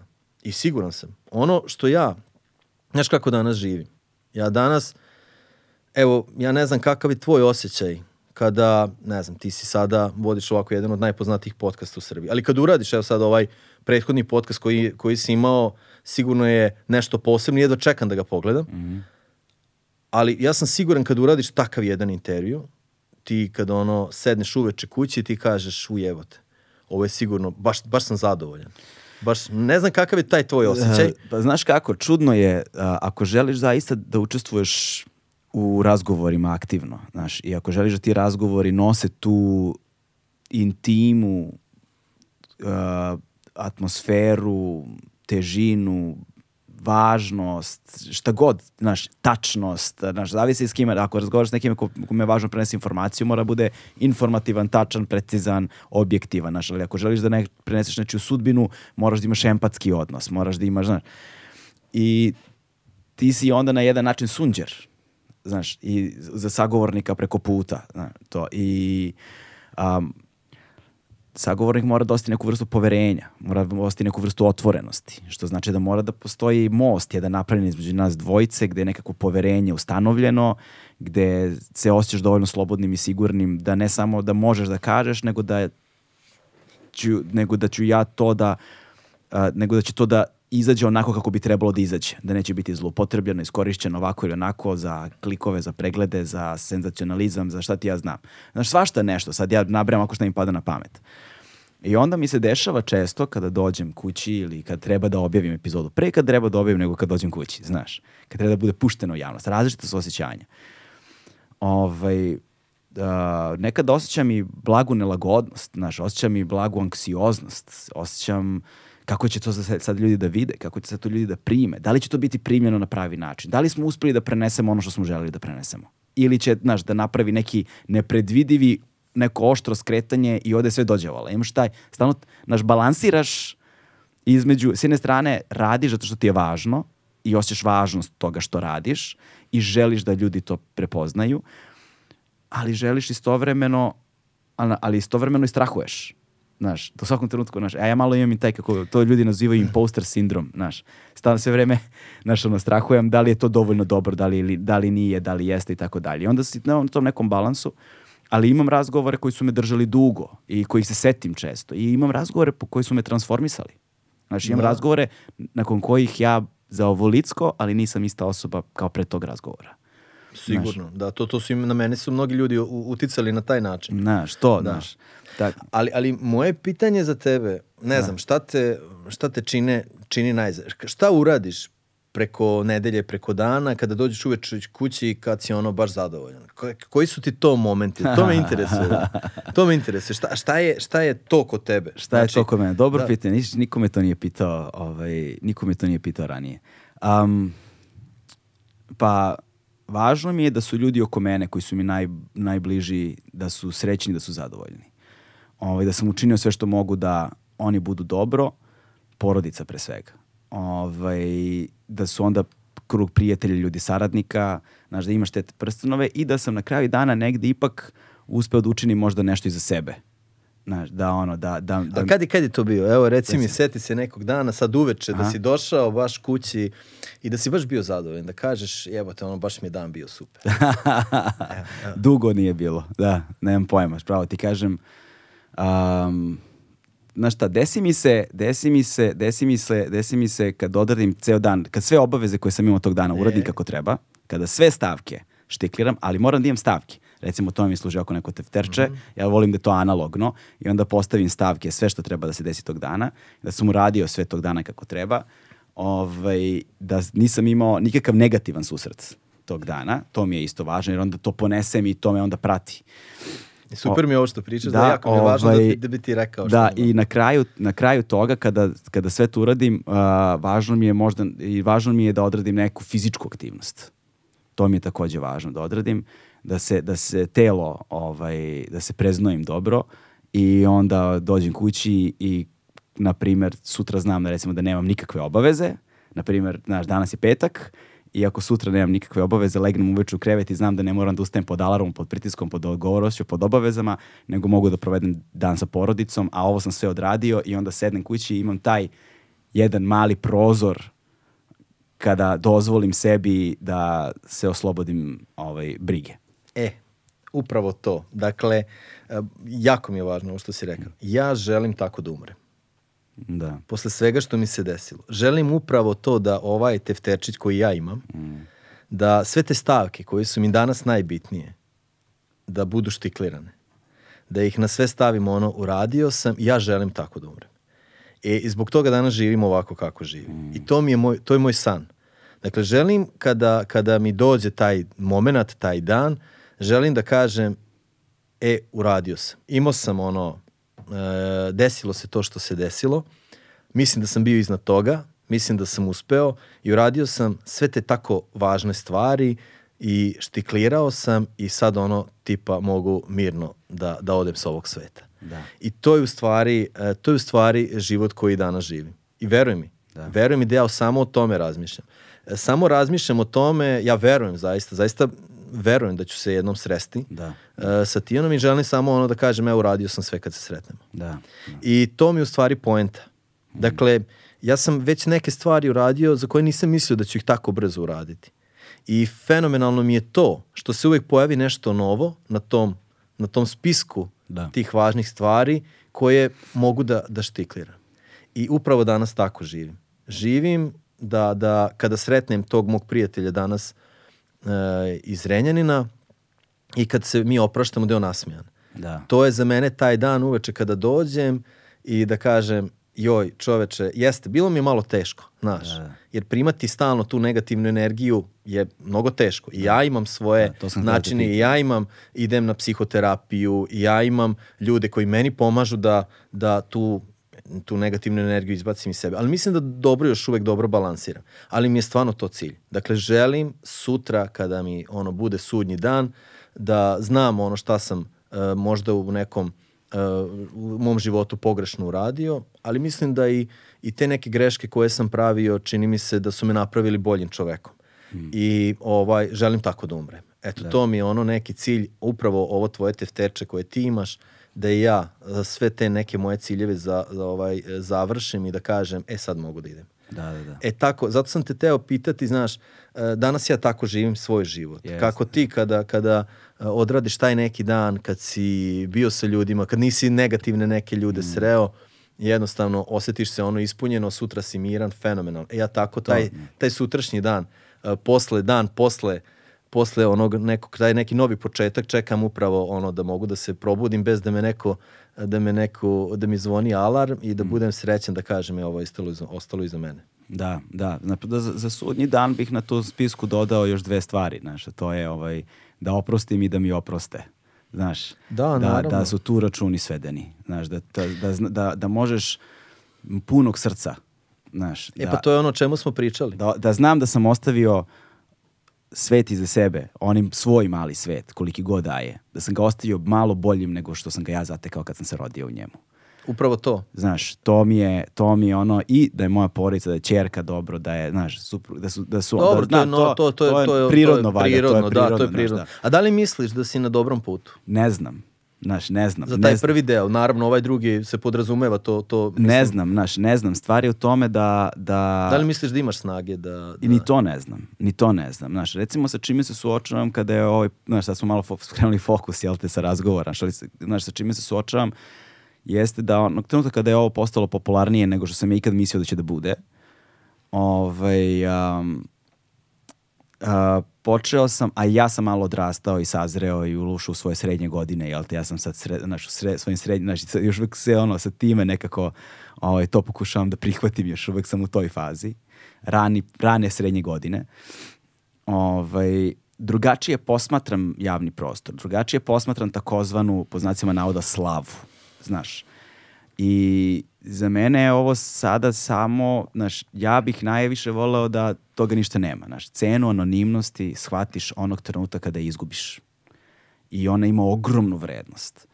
Ali s druge strane, ako si je već izgubio, hajde da to onda ima nekakvog smisla. Znaš, hajde da to onda ima nekakvog smisla i da nekako staviš fokus na ljude koji su tu. Znaš, na one koji su preko puta. I recimo, eto, trenuci koje kada ostavim veliko zadovoljstvo jeste kada dođe neko koji je ili anoniman, a nešto je, a ima nešto važno ili neko ko ne, neki ljudi koje prepoznaješ da je na njima potrebno da bude spotlight u jednom trenutku, da se na njih up- ukljup, upali reflektor i onda staviš taj reflektor na njih i postigneš neki efekat. To mi je recimo, u poslu mi je recimo to donosi najveće zadovoljstvo. Ne donosi Da. mi najveće zadovoljstvo veliki pregledi i da li sam ja zaradio puno para. To mi je ono, ma se od puno od pregledi ne zarađuju neki novci ukoliko nisi, to je sad druga tema. Ali, recimo, to mi je, znači, i uživam i negde sam skapirao da ako ja ne uživam u razgovoru, publika ne uživa u razgovoru. Znaš, ako ja ne osetim emociju u razgovoru, neće ni publika osjetiti emociju u razgovoru. Jer ti nosiš to, ti si nekakav nekakva, nekak, nekakva, nekakva ono, prenosilac, jel te, naš medijum Pa da, lju- kroz koji to... naš, Ljudi u stvari e, i ovu će emisiju gledati prevashodno zbog tebe, zato što su ovaj, i ja Da, da. sam, ja sam gledao tvoj podcast zbog tebe, i vidim ljudi kako reaguju zbog Da, da, da. tebe. Naravno, a kad imaš dobrog sagovornika, onda, onda je to on duplo Ali- dobro, da. Da, duplo dobro, ali je, sagov, ali je sagovornik tu važan. Da, i u tom slučaju, e, to sam teo da, da se sad vratio malo na tebe, to sam teo da te pitam, dakle, pominjao si da si bio ono, da mržnja, bes, sve te negativne emocije koje nose jedno tako traumatično iskustvo i zanima me u kom trenutku kako je izgledao tvoj prvi prvi, ti prvi koraci ka transformaciji u smislu kada si prvi put sebi dozvolio da se osjećaš dobro. Znaš, kada si prvi put sebi dozvolio, ne znam, kao što si pomenj- pominjao tog prijatelja, da pustiš muziku. Znaš, Da, da. kada si počeo da praviš te korake? Pa trebalo mi je, trebalo mi je sigurno godinu dana od, od Tijanine smrti. Zato što sam ja u stvari jako želeo, želeo sam da budem jako nesrećan. To je u stvari bila moja ta zamisao posle Tijanine smrti. Želeo sam da jako, jako budem nesrećan, da bi u stvari e, tu neku krivicu koju sam ja e, imao i koju dan danas ja nosim nekako u sebi za sve to što se desilo, jer smatram da, da kao njen otac nosim deo odgovornosti, zaista, ovaj, da, znaš, ono, da, da sebe dovoljno povredim i da kažem, e, znaš, ovo je, treba ovo da proživiš zato što ti je čerka patila. Jer ti si, ja sam, ja sam zaista mnogo sebe krivio. I svaki roditelj koji izgubi dete na ovaj ili onaj način ima tu dozu, siguran sam, ima tu dozu koju nosi ovaj, te, te krivice i te odgovornosti e, e, na sebi. E, ali ja sam želeo baš tih prvih godinu dana ovaj da, da kažem i da, da naš nekako sam sebe da povređujem, da, da patim, da, da budem e, bezvredan, da budem, ne znam kako to da ti opišem, taj neki osjećaj i mnogo mi je trebalo. Dakle, i uz stručni rad i uz sve ostalo, mnogo mi je trebalo, ali mislim da je to samo odjednom, ono, znaš, znaš, ono kad padneš uvaljaš se u prašinu i ono tipa skidaš sa sebe, tako je to, znaš, ono došlo, došlo jednom samo i kod meni. Rekao sam, ok, dosta je, znaš. E, mislim da je tu naravno i Saška, druga čerka, da je odigrala vrlo važnu ulogu. Jer, znaš, ti tim svojim ponašanjem, e, svojim delovanjem, svojom komunikacijom, ti u stvari nesvesno i to drugo dete, mogu slobodno reći, uništavaš. Da. Jer, znaš, Saška je već sasvim ono što si ti rekao, Saška je ne svojom voljom, uh, naravno ni, ni, ni mi, svi ostali ni ja, ali Saška je ipak dete uh, i u tom momentu bila kad se to desilo, ona je, uh, znaš, već bila obeležena što je, ćerka, uh, što je sestra ubijena. Da. I ušla je u nekakvu javnost i sve to i znaš, i Saška i dan danas kad me ljudi prepoznaju na ulici, znaš, ja sam na to, neću da kažem oguglav, nego prihvatam to ovaj razumno. Ali Saška kada mi neko priđe, Saška, Sašku to, Saška jako smeta. I ona je, znaš, a ja sam svojim tim nedelovanjem i delovanjem u stvari dodat, dodatno e, i nju povređivao. I onda sam rekao, vidi, znaš, neću to, neću to više da, da, da dozvolim i zaista je nekako to u mojoj glavi onako i kliknulo i rekao sam, hoću sada da i posle tih godinu dana e, mi smo mnogo razmišljali da li ćemo ono tipa ceo život nositi crninu, znaš. I onda, znaš, nekako da sad Saška treba da ide sa nama mi on u crnom stalno, mislim da to nije merilo uopšte da li sam ja tužan ili nisam i da li, znaš, i jednostavno došlo je to, E, posle nekih godinu dana mi je trebalo da se onako baš osvestim i da kažem, e dobro, sad idemo dalje. Da. I trebao je jedan period, e, mada u takvim tragedijama i kada izgubiš svoje dete, vreme ono, stvarno najveći neprijatelj. Dakle, tu nema ono tipa, znaš, kao bit će ti bolje za pet godina. Meni je danas, ali to zaista najiskrenije pričam, mnogo teže nego prve godine. Mnogo teže. znaš, Zato što ja danas znam te tijenine vršnjake. Pa odem danas u školu, gde su studenti, gde imam neke radionice, edukacije, tribine. I onda gledaš u tom svakom detetu, ti vidiš Tijanu. I razmišljaš, čoveče, šta bi sad ona bila? Znaš, čime bi se ona bavila? Ko bi bio njen momak? Da li bi, kad bi ona ono krenula u neki samostalan život, koji bi fakultet studirala, znaš. I to su te stvari koje su neprijatelji. Uh, I tu, znači, tu je vreme ono potpuni neprijatelj, znaš. Jer tada tek u stvari, uh, kako vreme prolazi, to odrastanje uh, drugih, uh, onda u stvari tu ako nisi dovoljno jak, onda budeš i ljubomoran, mm. uslovno rečeno. Krivo ti je.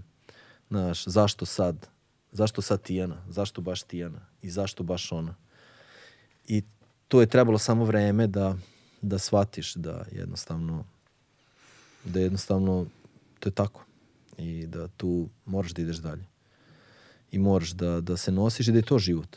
Dakle, jednostavno i to je život i ja sam apsolutno siguran da je i Tijana stradala isključivo zbog toga što što je to tako moralo biti da bi se pomoglo drugoj deci. Jer sve ovo što danas radimo i što ćemo raditi u narednom periodu je jedna žrtva koja je podneta, žrtva jednog deteta da bi, da bi druga deca živela bolje i to je taj smisao. Mm, da. E, fascinantno je mislim, hvala ti na otvorenosti pre svega, znaš, jer verujem da ovaj, u tim ranjivim delovima nas ovaj, se uvek u deljenju javnom ono saopštavanju tih ranjivih delova zapravo pronalazimo ljude koji se identifikuju. I ja znam koliko je meni značilo u životu u brojnim okolnostima i situacijama u kojima sam mislio da sam sam, u kojima sam mislio da se to dešava samo meni, da se samo ja tako osjećam i da niko drugi ne može da me razume. Kada se desi ta vrsta identifikacije, kao opet vraćam se na prijatelja iz Renjanina, ali tako? Da. Znaš, gdje mora da postoji tačka identifikovanja neka, kroz koju mi onda otvaramo put ka nekoj vrsti empatije, kojom onda otvaramo put možda i ka samo izlečenju. Ali neko mora prvi da iskorači u taj prostor. A taj prostor je jako težak. I ti si u njemu već dosta dugo. I to je ono gde ti se divi, znaš, ali istovremeno to nosi jednu energiju, ovaj, jer ti sad otvaraš sebe upravo ka to, znaš, brojne druge tragedije i sudbine su ti stalno prisutne u životu. I to sigurno nije mali teret nositi. Znaš, i onda sam se, i onda ja tako kad pomislim na tebe, pomislim, bože, šta li ovaj čovjek radi, znaš, kao u slobodno vreme, znaš, kao, kako, koliko slobodnog vremena sebi daješ, a, čime ga ispunjavaš, znaš, um, i, i koliko zapravo transformacije svega toga u pozitivnu energiju uspeoš da napraviš. Jer sigurno ne može da se živi samo na ovoj drugoj energiji i da se provede život u tome. Znaš, niti je zdravo. Ne, ne, apsolutno ne može. Znaš, ne može apsolutno. Dakle, ja, ja imam sada svoje vreme za sebe i mislim da je jako, jako važno da imaš to vreme. Ono, koje, ono vreme koje ja danas apsolutno ne bih dao ni za šta na svetu, to je ta samoća. Mm, isključiš se, nema mreža, nema telefona, nema... Znači, imam uh, psa i to je to selo o kom sam ti pričao. Moj odlazak tamo, odlazak u, uh, u njive u okolini mog sela, gde nema nikoga, uh, gde ima mesto gde jednostavno sa svojim psom provodim vreme i gledam u daljinu. I ovaj, gde samo uh, razmišljam gde sam sa svojim mislima, to je vreme koje me apsolutno ispunjava. Uh, I to je, to je, to je moje, moj beg od stvarnosti i moja potreba. Zaista, zaista potreba da, da, da budem sam. Mislim da je ta samoća jako, ne usamljenost, nego samoća. Samoća je jako važna. Da. I, jako je važno da neko vreme zaista provodiš sa sobom, sa svojim mislima i to je meni, to je meni ono potpuno izlečenje. Ja preko nedelje stvarno nemam vremena i uh, bukvalno od, od ujutru do uveče konstantno sam u, u nekim aktivnostima, uh, ali uh, vikend uh, i to sam ono uh, rešio. Ja sam u, ne, u nekom prvom periodu čak i tih ono, bukvalno nisam ostavljao vreme za sebe i shvatio sam da, ono, počeo sam da, da, da vidim da nisam niti dovoljno efikasan, niti dovoljno mogu da funkcionišem i shvatio sam da to nije dobro. I onda sam tu našao izlaz. I da. ta šetnja, to, to ovaj, sa, sa psom koji te ništa ne pita, koji je ono baš doslovno rečeno prijatelj koji te razume na, na, na taj pogled i to E, to, ta samoća je toliko meni značajna i to bih svakome e, preporučio. Mislim da svako od nas ima uh, tu važnu, mislim da ja, to je jedna jako, jako bitna potreba da provedeš vreme sa sobom. e, i veliki broj ljudi to ne radi. I čini mi se da, ih, da se i plaši Mm, da. samoće, a u stvari samoće zna da bude jako, jako korisna. Tako da. Usamljenost i osama nisu dve Ne, iste ne, stvari. apsolutno, da, da, apsolutno, da. da, usamljenost ne i, i e, znaš, čak usamljenost je, je često prisutna kod ljudi koji su među stotinama drugih ljudi. Da, da, da, Da, da. ali, ali ta osama ili samoća je u stvari nešto sasvim drugo. Sasvim drugo, da. Sasvim drugo. Ovaj, da se vratimo malo na Amber Alert. A? Može. Može. Ovaj, zanima me, malo sad sa ono tehničkog aspekta, um, šta je zapravo neophodno da se desi Amber Alert u stvari? Znaš, kakav je to sistem i ko su ljudi, ka- kako se upravlja tim sistemom, koliko je ljudi tu za, potrebno, kakva vrsta obuke, kakvi su to software. Mislim, zanima me prosto zato što, ajde jedna stvar je da izađe svima notifikacija na mobilnom telefonu. To preko mobilnih operatera, pretpostavljam da se reši policija u nekim op- operaterima, koliko ih ima, svi šibnu i kao gotovo. Osnovne informacije, taj prenos podataka je jednostavan, ali da to bude na benskim pumpama, na ekranima, na, na, na ledovima, na putevima, na, znači da to bude zaista na ono digitalnim billboardima, na, na, na svakom mogućem digitalnom a, uređaju, Portalima. portalima. portalima, to da se komunicira sa svim redakcijama, da postoji nekakva centralna tačka koja, kako se to vezuje. Sad, to, to me zanima, kako se to zapravo uspostavlja? Koji je to sistem? Pa to je, to je sada postoje određeni softveri koji to mogu da rade i to je u stvari sad ovi neki teoretičari zavare, zavare su gura- gurali priču kao softver, eh, ne znam, američki ili ne znam koji, pa će se tu krasti podaci ili ne znam nija šta.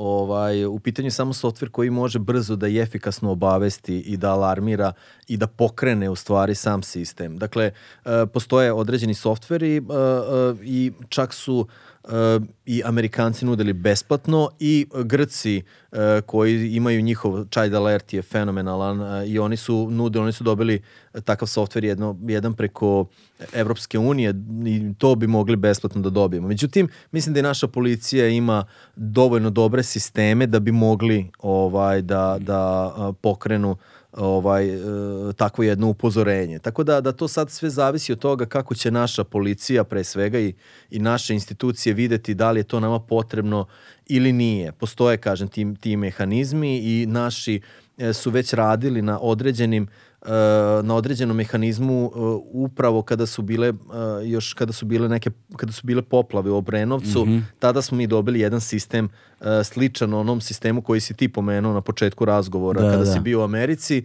i to sada postoji. Ali kažem, e, ja ne znam koje su tačno mogućnosti naše policije, to ćemo tek videti kada krene ta radna grupa i da li je uopšte Mhm. nama jedan takav al, sistem, alat, da li nam je potreban e, da mi uzimamo od nekog ili mi već takve e, stvari imamo. to, je, Da, to je da. stvar za koju, za koju ne mogu da ti kažem decidno odgovorim zato što jednostavno nisam upućen šta naša policija u stvari ima. A šta je to što sprečava zapravo Amber Alert da se pojavi? Mislim, vi radite kampanje, to traje, ova je bila nešto milionski uspešna i tako dalje i sasvim je jasno da su ljudi u velikoj meri, barem ono što sam ja primetio prevashodno kroz društvene mreže, a potom i kroz razgovore da. sa ljudima koji su mi prijatelji i sad, znaš, procenjuješ ti neke stvari na osnovu ljudi kojima veruješ kako oni procenjuju. Znaš, pa nekako je to zbirni, zbirni utisak i moj ukupan zbirni utisak je afirmativan potpuno. Apsolutno, dakle, dakle ako pogledamo mi do sad nismo ni imali, nego je e, sad u ovoj poslednjoj kampanji, znaš, e, e, kad te podrži milion ljudi, onda, znaš, moraju da postoji neki ljudi koji jednostavno mogu da kažu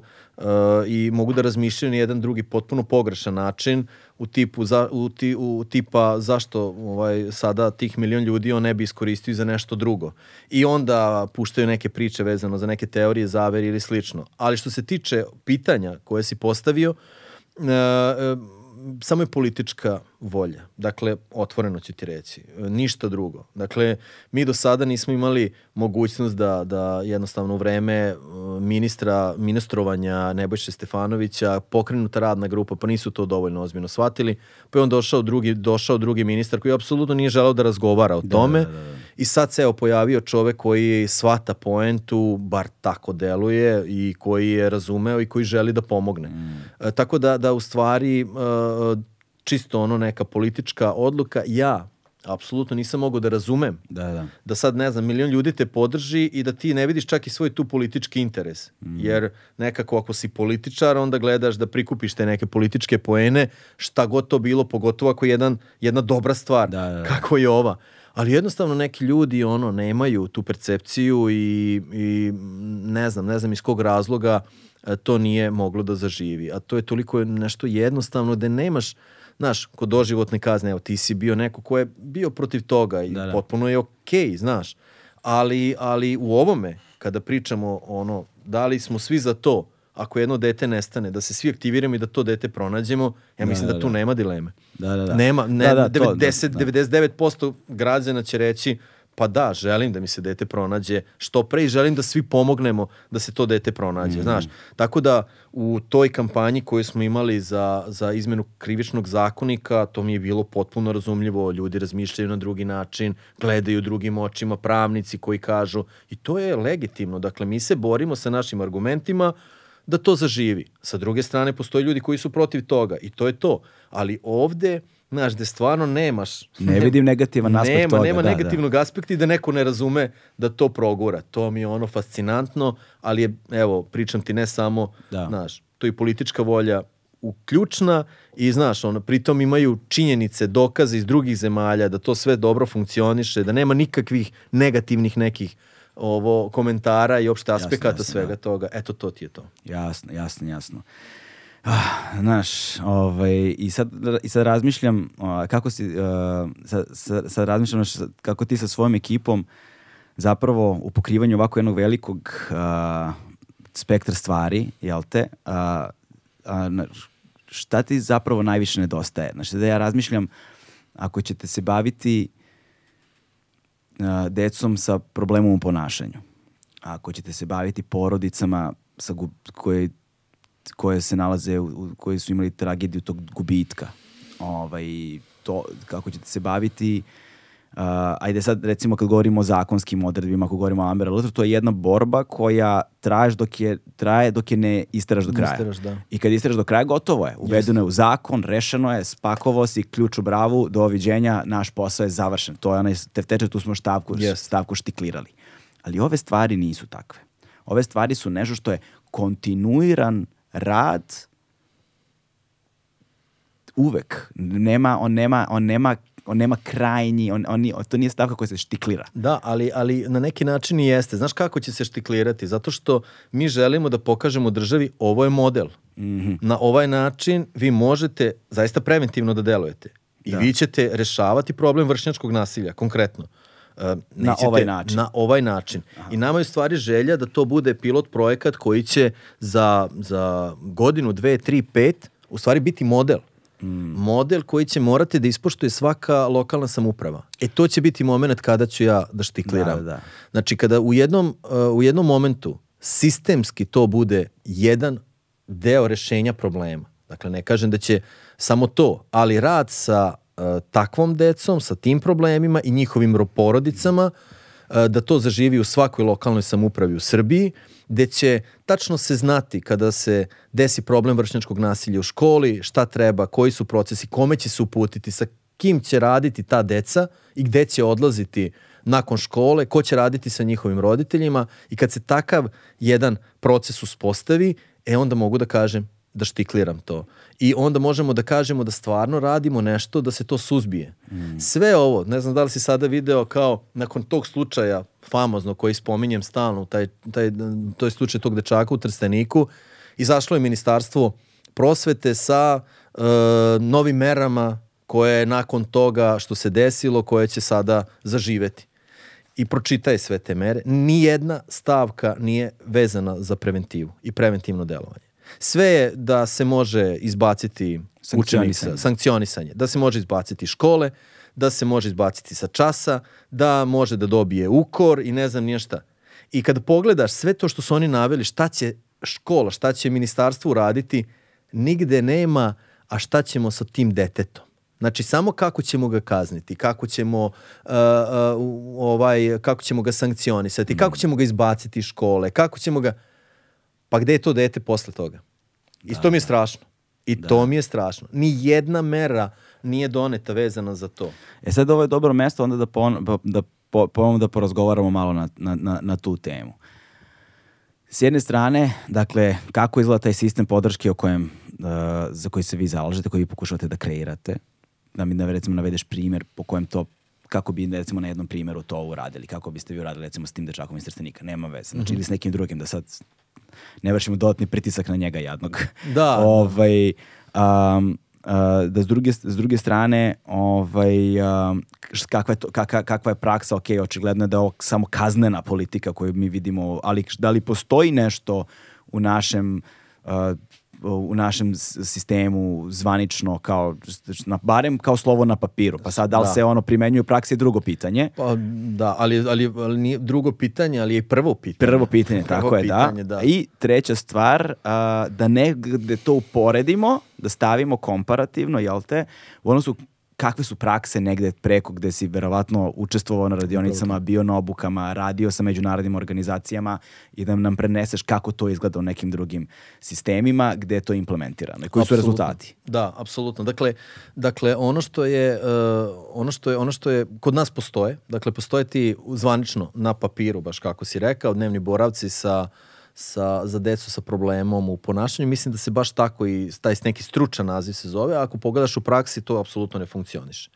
Dakle, ne postoji. Zato ja mislim da su jako važne te nevladine organizacije koje bi se zaista sa stručnim ljudima posvetili. Kad kažem, uh, tu zaista moraju da se, da se ispune i da, da stručnjaci budu licencirani upravo od strane uh, ministarstva i centara za socijalnu zaštitu, uh, da, da uh, zaista moramo da vodimo računa ko radi sa decom, jer ja sam upravo na to fokusirao svoj rad kad sam okupljao tim.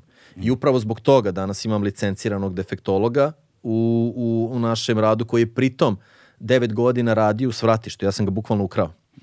E, Bukvalno sam ga ukrao zato što je meni trebala osoba koja ima iskustva rada. To nije ista ciljna grupa, ali se nažalost mnogo toga na neki način podudara i mnogo slučajeva ima vrlo sličnih koji su deca koja su na ulici i bez roditeljskog staranja koja su tamo dolazila koje imaju problem u ponašanju. I meni je trebala osoba sa iskustvom pa sam ja uh, bukvalno uh, ukrao iz, no, iz Beograda i odveo u Novi Sad.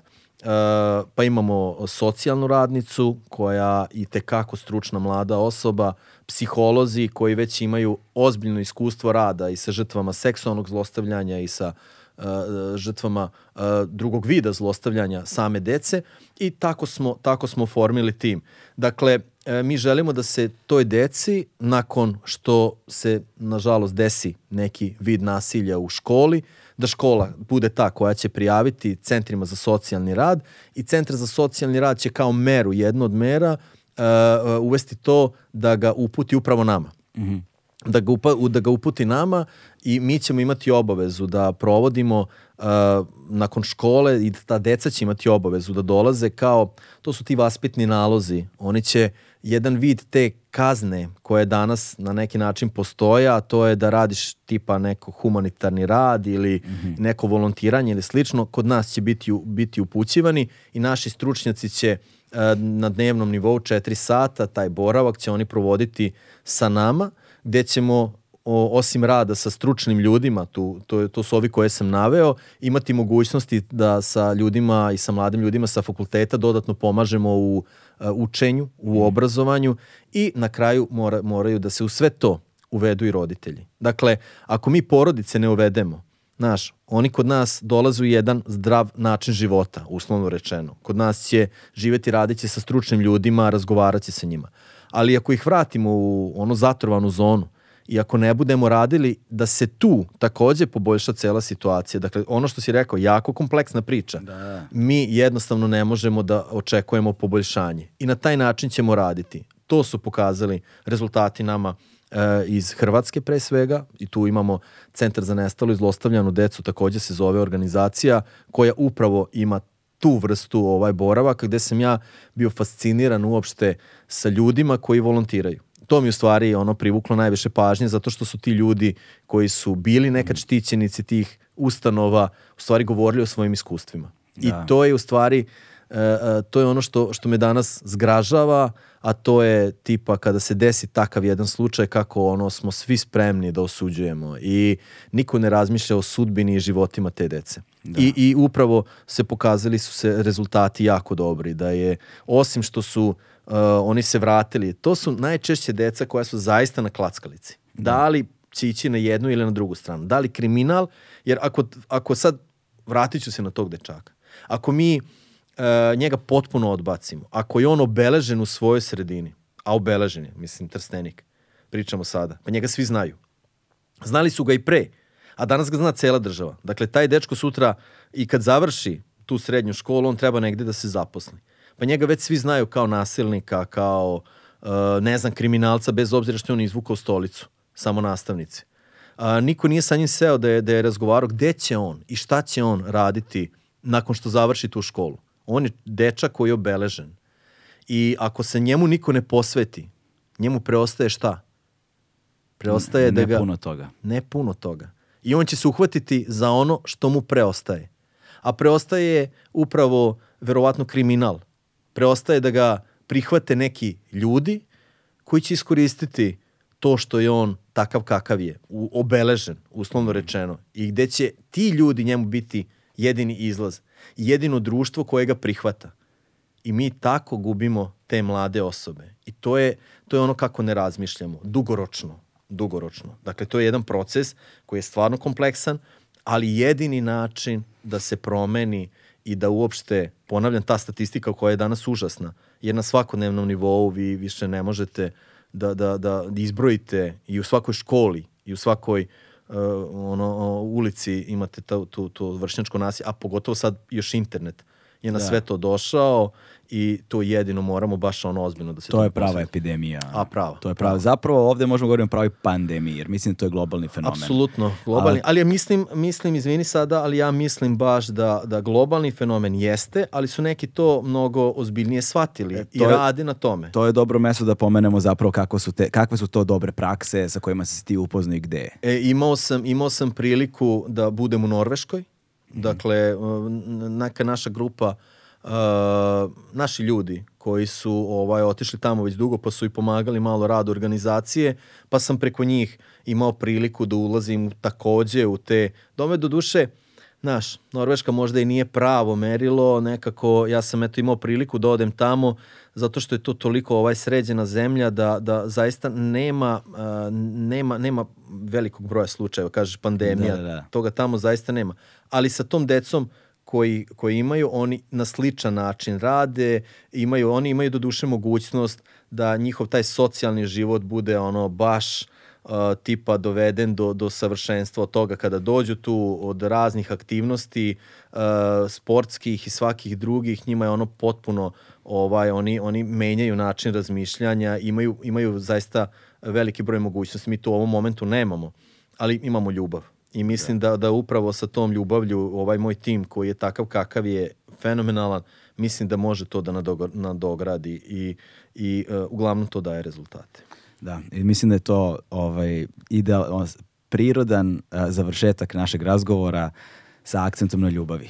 Znaš, i nekako je kolokvijalno i inflatorno i kao kliše i na ovakav i na onakav način rabimo i upotrebljavamo i kroz filmove i serije i muziku i popularnu da. kulturu i u razgovorima i ovako i onako, ali zapravo kada skloniš sve to sa strane, činjenica ostaje da su ljubav i pažnja ipak stvari koje ne možeš da nadomestiš u životu. Meni, meni e, često kada govorimo, pošto vodimo, vodim, naša organizacija vodi Net Patrolu, a to je uh, jedna platforma vezana je za uklanjanje štetnog materijala sa interneta. Mm -hmm. Štetan materijal podrazumeva uglavnom je to seksualno zlostavljanje dece i toga ima, nažalost, jako puno.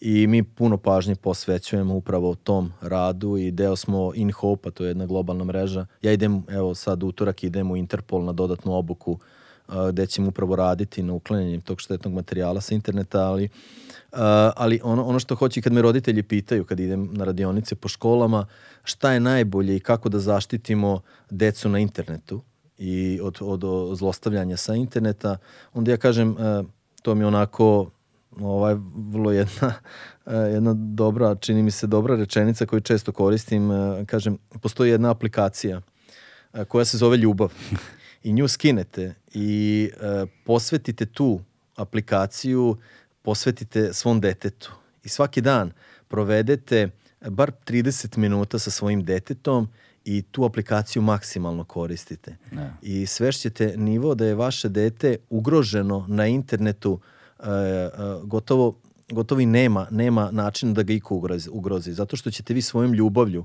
vi ćete otvoriti srca vašeg deteta, vaše dete će vam uh, otvoriti sve vaše, sve njihove društvene mreže, zato što će vam verovati.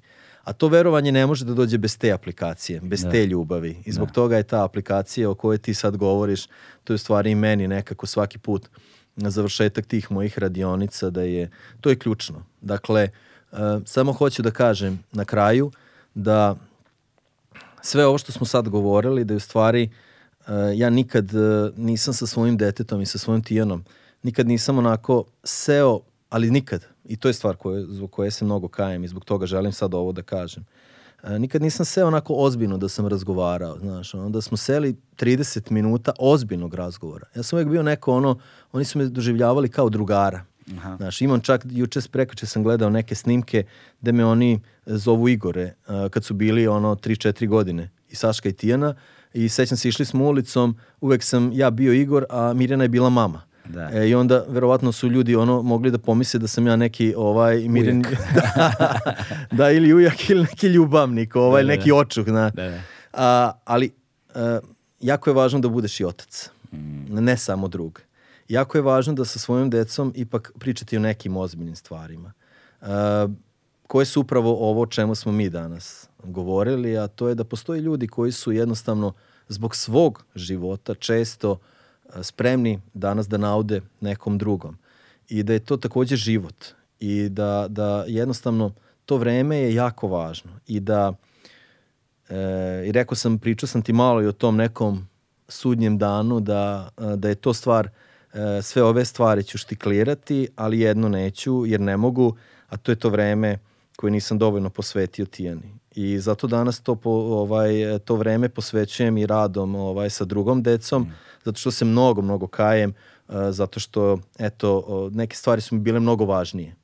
Od toga, tih materijalnih stvari, da. Uh, do nekih drugih, gde sam ja smatrao da su to radosti. U stvari sve te sitnice, uh, kao što su odlasci u bioskop, kao što je ovo što si ti pričao, neke večere, neke svađe, da. neke, neki zagrljaj, to je stvar koje se, ovaj, koje se ne mogu vratiti i koje ne mogu i zbog toga danas kažem e, ljudima i roditeljima svaki dan, ali bukvalno svaki dan, kad dođeš kući, zagrali dete, recimo da ga voliš. Da. Svaki dan mu reci da si tu za njega. I koliko god će ti tvoje dete reći, ej, Ćale, smaraš me. Ćale, smaraš me. Da. Nemoj to da propustiš. Zato što, zato što su to u stvari sitnice koje onako čine život vrednim i zbog kojih se ja danas jako, jako kajem. I zato ovaj, učiti na tuđim greškama. Mm. To je ono poruka. Uči na tuđim greškama, nemoj da dozvoliš da, da te dočeka sudbina jednog Igora, nego onako uči na tuđim greškama i gledaj da, da, da taj život svom detetu ispuniš i onda neće biti, i onda će tvoje dete biti mnogo bezbednije e, nego, nego uopšte da, da stavljaš bilo kakve druge aplikacije, zaštite ili bilo šta drugo. Igore, hvala ti. Hvala ti, hvala ti puno, zaista ovaj, na jednom ovakvom razgovoru. Ne bih ništa dodao, jer mislim da je samo, da je već samo po sebi jasno. Hvala ti hvala još tebi, jednom. Hvala, hvala ti še.